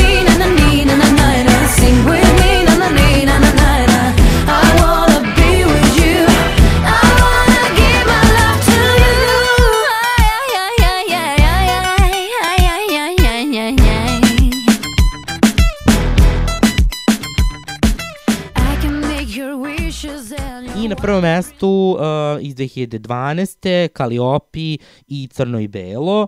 Crno i belo san Jedna istina i jedna laga Iako zajedno sme Ja sviram sreća, ti biraš toga Crno i belo san Dobro i lošo ništa ne deli Daj svega nasmeni se Daj te vodi, vanok je beli Zanimljivo viš, meni, ja volim Kaliopi jako, jedan od najboljih vokala e, na, na našoj sceni, ex-jugoslovenskoj, ali mi se ni jedna njena pesma nije ovaj na Euroviziji dojmila toliko. E, Lena Ristenska, joj. Mislim, to je nekako, sa, sa ove distance gledam nekako je blam, transfer blama imam sa njenim nastupom i njenim engleskim i tim pokušajem da bude riba, pogotovo geto riba. E, tako da ne znam, nisam siguran.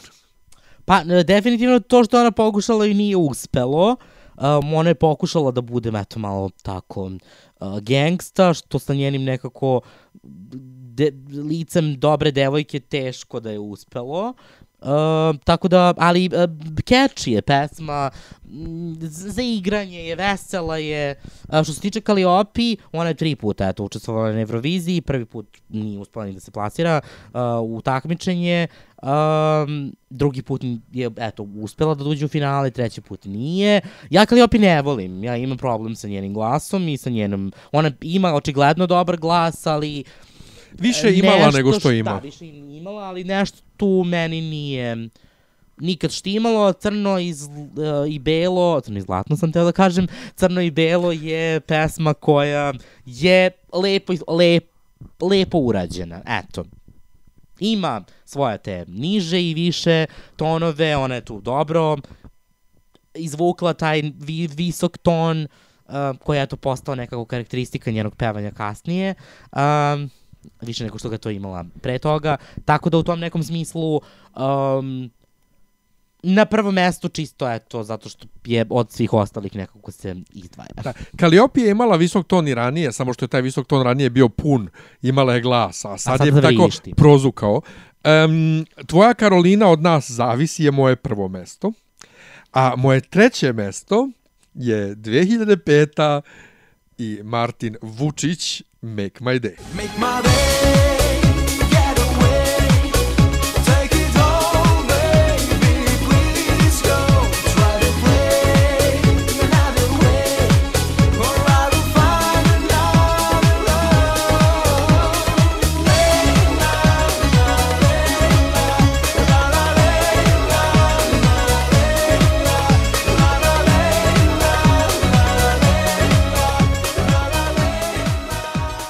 drugo mesto, ponovo Karolina, 2007 i Moj od svetu. Moj od svece vika muzika Nema vera ni tu granica. Moj od svece osobno ti Jedna duša balkanska. Music is the only world for me. In my world we live in harmony. Music knows no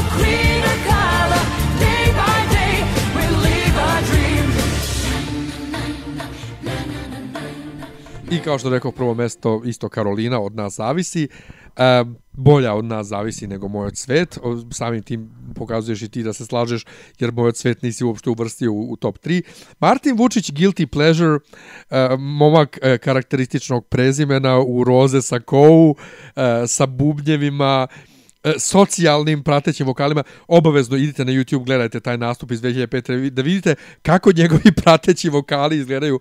Kao, e, kao beskućnici koje je pokupio negde na autobuskoj stanici, onako mršavi, neuhranjeni, i stoje pozadi, super, oni pevaju, ali to toliko jadno izgleda, pokazuje samo to stanje e, Makedonije, ne znam, Moj od svet je meni lepa pesma, e, pogotovo to što je kao ono kao muzika je njen svet i ima neku poruku lepu, ali i Karolina je lepa bila. Pa jeste Karolina, baš i taj nastup i sve to bilo lepo, ali ne, nekako nije baš ostavila utisak koji je možda želela. Možda zapravo što i drugi deo pesme pevala na engleskom, pa je to malo pokvarilo čitav um, Magiju. originalni originalnu ideju, tako da eto, to je razlog zašto ja jednostavno ni, nije nisam uvrstio, uh, jer je ostala, ostavila bled utisak. Što se tiče Martina Vučića, ta pesma je zanimljiva, ali ne, ne znam šta da kažem. Nekako sve to izgledalo vrlo, jad, vrlo socijalno uh, i, i on je obučen bio bez veze i ne znam, nekako to je baš onako bilo, evo, stanje u Makedoniji e, Pa uvek, to, od to, uvek. o, da. Um, sledeća zemlja je meni definitivno naj um, neomiljenija zemlja na Euroviziji. E, pogotovo kad sam čuo za neke pokušaje potkupljivanje, ne znam nija šta. E, jako dugo se takmiče već, nisu nikad imali neki poseban zapažen uspeh i sve tri moje pesme za Maltu su iznuđene.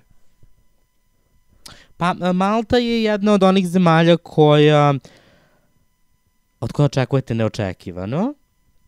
I kada pošalje nešto što mislite da je muzički dobro, oni ne prođu u finale. Kada pošalju nešto što je potpuno la, potpuno lakrdija, oni odu u finale i to, to je nešto što meni s Maltom nikad nije bilo jasno. Malta je zapravo uh,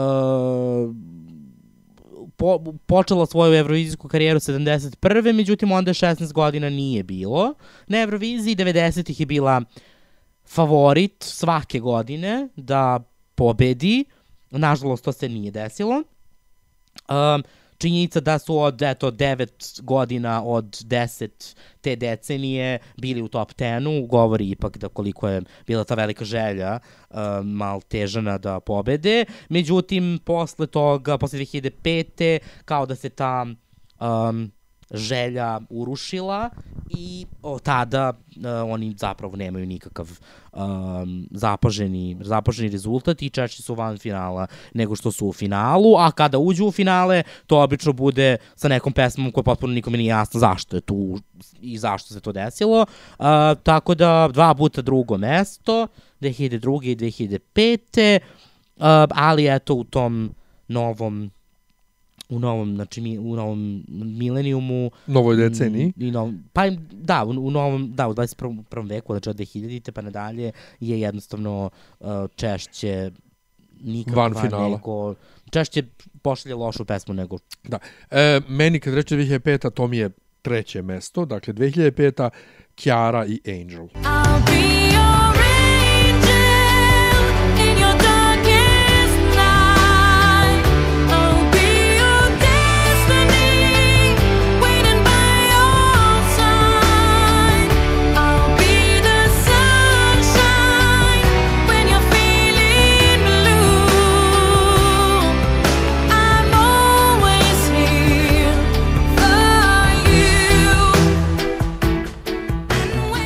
Drugo mesto 2015. Amber i Warrior.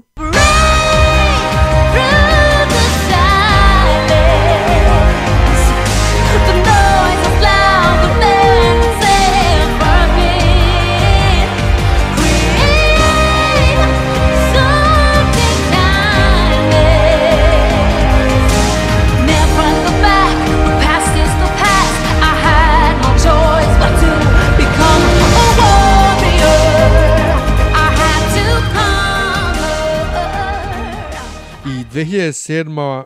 Uh, godina prvo mesto ničim izazvano Olivia Lewis i Vertigo. And I'm lost,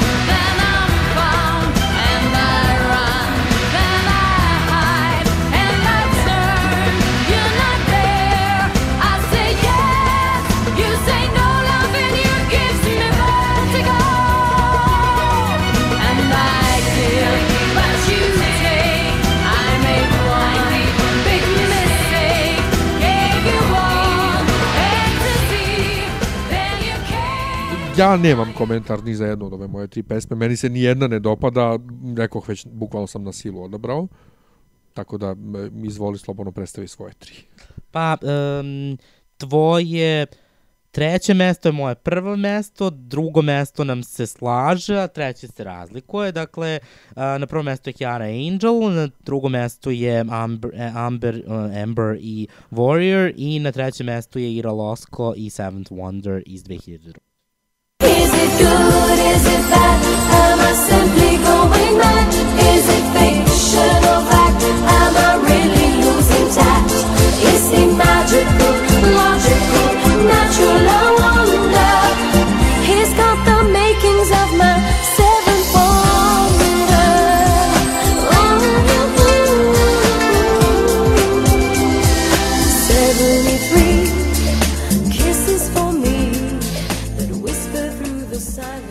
silence. Ira Losko se nešto beše više puta takmičila. Dva puta, uh, 2016.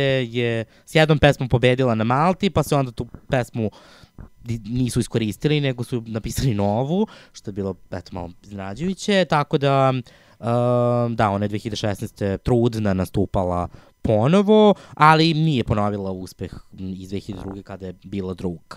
Da, inače mislim ova moja Olivia Lewis koja je prvo mesto kod mene da je ona jedno 19 puta pokušavala da ide na Euroviziju. Pa dobar deo tih malteških pevača koji, koji se ozbiljno tamo bavi muzikom zapravo uh, pokušava iz godine u godinu. Ove godine su prvi put ukinuli to takmičenje i sada će izabrati onoga ko pobedi na malteškom X Faktoru. Dobro. A onda uh, jedna od nama bližih geografskih zemalja, Moldavija. Odmahuješ glavom. Moldavija se prvi put pojavila na Euroviziji 2005. i od tada, od 14 nastupa, 10 puta je bilo u finalu, što je impresivno. Um, međutim, Nic smrdi, nit miriš. pa ne, ne znam šta da kažem. To je nekako ono socijalna Rumunija. Uh, i Čekaj, čekaj, Rumunija sama po sebi je Ovaj, socijalna. još socijalnija. Uh, ja se sećam, gledao sam nekoliko tih njihovih izbora. To strašno izgleda. To mislim jedino gore od toga je Montevizija.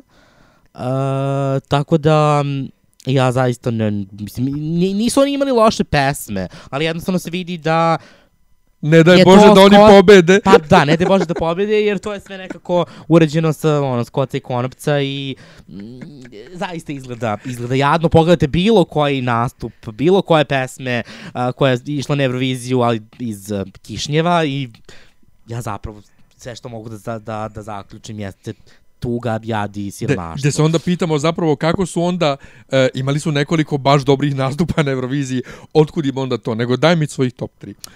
Što se tiče mojih tri, Dakle, ovako, na trećem mestu se nalazi pesma iz 2012. Uh, Lautar i Paša Parfeni. I've never been to a show you haven't seen before. How looks that soul. Gets you out of control. This trumpet makes you my girl.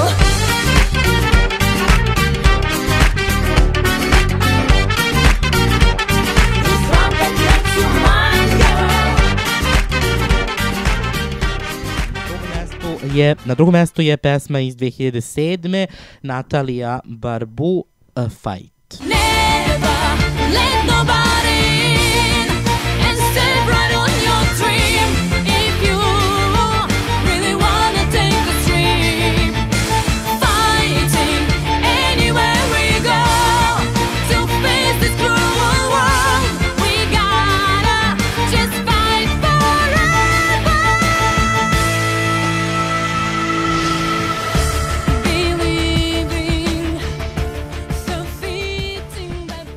I na prvom mestu je pesma iz 2013. Aliona Moon, uh, ili Mon, uh, O Mie. Între soare și ploi se nasc mii de culori Dar noi vedem doar nori Amintiri despre noi înșiratam pe voi Apoi le-am distrus amândoi Între soare și ploi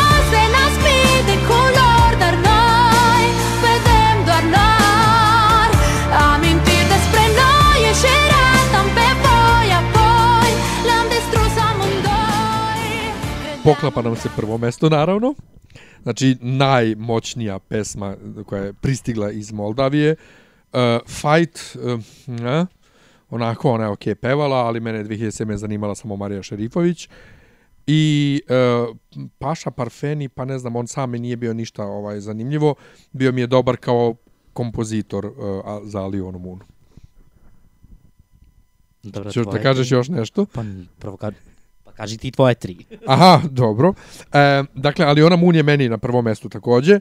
Treće mesto su mi ovogodišnji predstavnici sa fenomenalnim nastupom Dore Dos i My Lucky Day.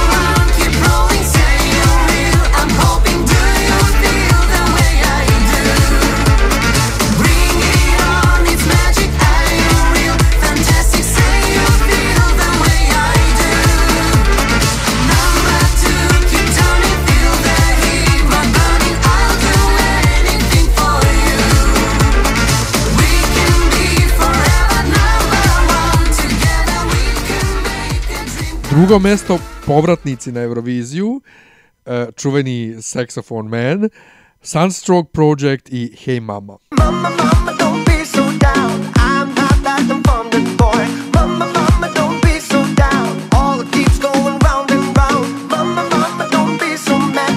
If you knew me, you'd be surprised. Mama, mama, don't be so mad. She'll be back till sunrise.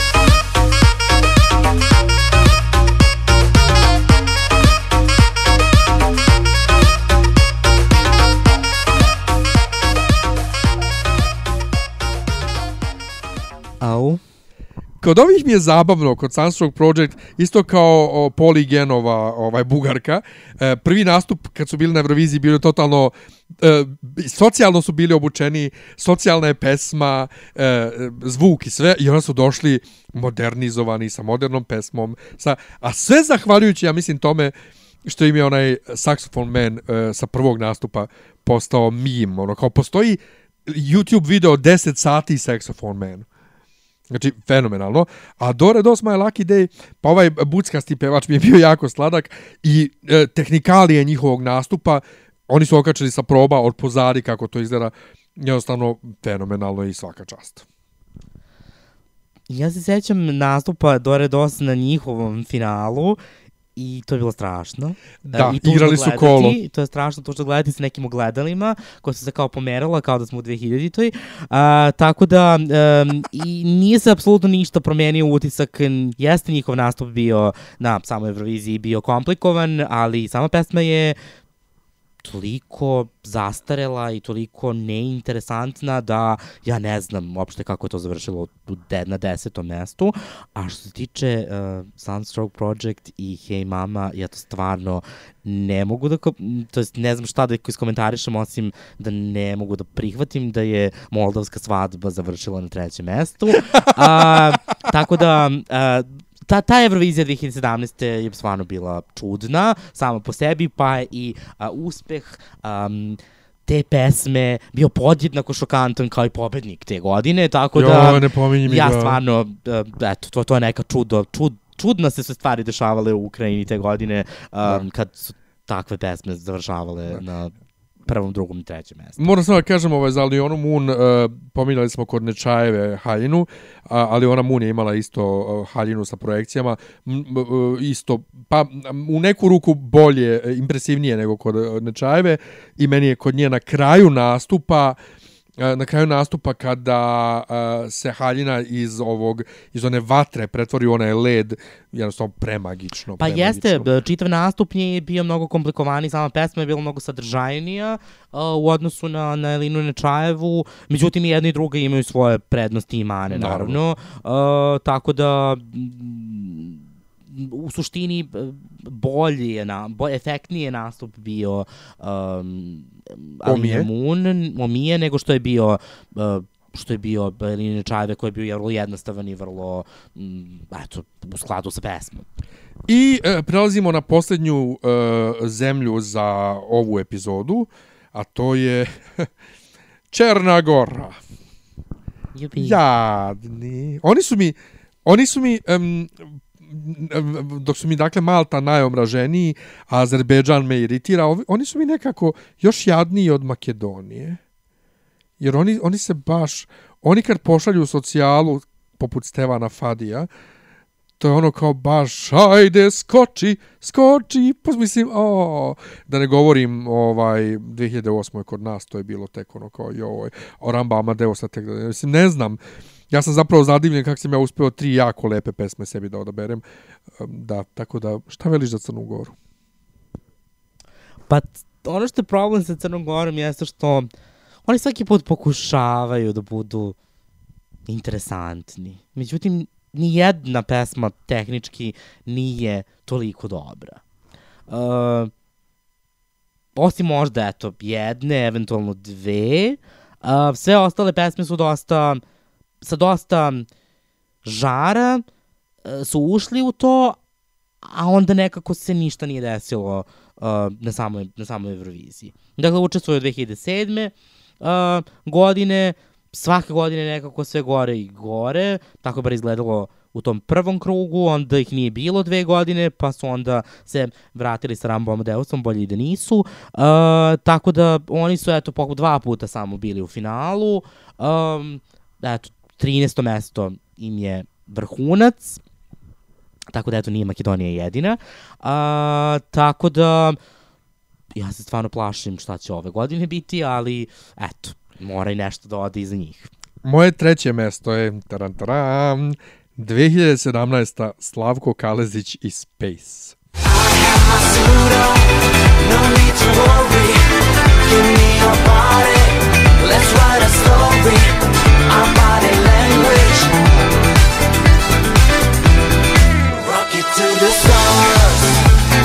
I have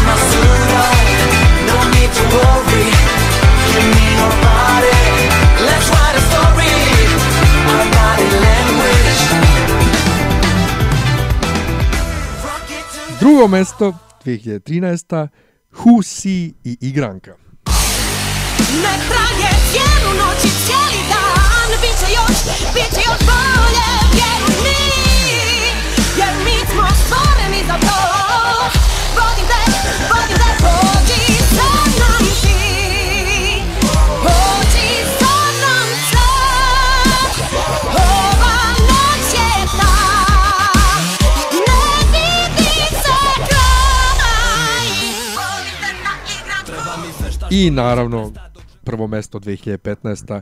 Knez i Adio. Još te ne da maglama sa planina Još te ne da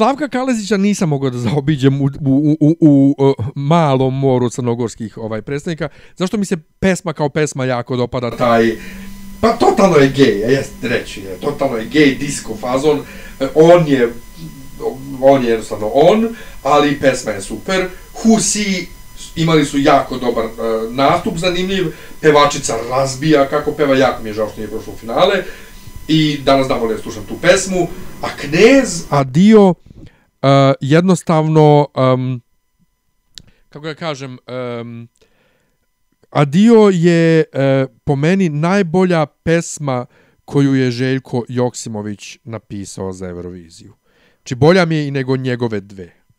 Znam da ovaj mogu da završim u Hagu jer kažem da je bolja od Lane moje, ali bolja mi je plus knez kao knez uh, se ovde svim silama trudio da iz njega ne izađe ona brdska koza koja inače peva, peva umjesto njega, znači taj njegov glas. Baš ga je ufitilio, ublažio i bio je jako okej. Hoćeš ti da kažeš nešto o mojima ili ćeš prvo da predstaviš svoje?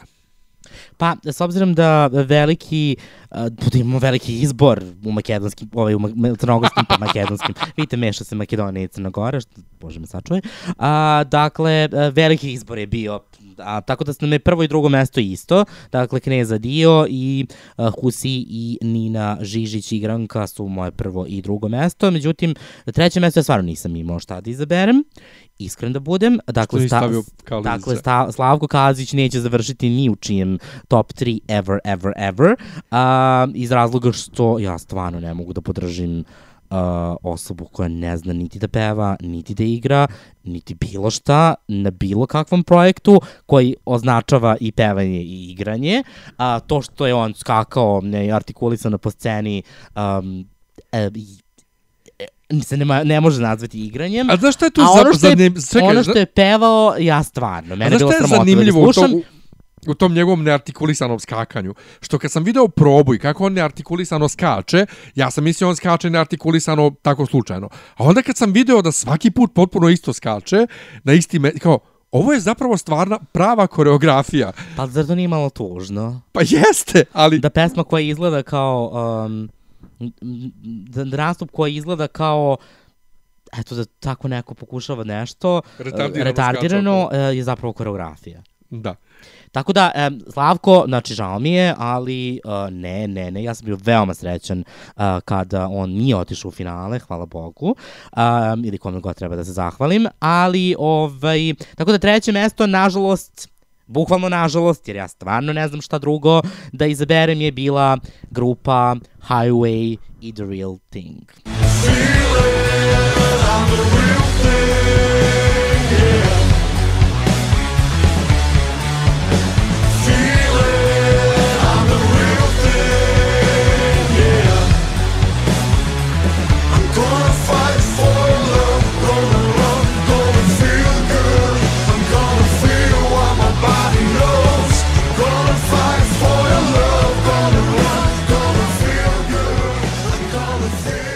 U, pa šta je, oni su bre bili malo psihodelični, bili su, pa bili su dobri. Pa eto, eto. Bili su okej. Okay. Ali Slavko je bolji. ne. Dobro. E, jao, došli smo do kraja i ove epizode. E, nisam očekivao da, da je ovoliko ovaj, teško prolaziti kroz ove, kroz ove pesme, ovaj, ali ne, neka je bar zabavno. Do sledeće ovaj, emisije vas pozdravljamo. Hvala što ste nas slušali. Tchau. Tchau.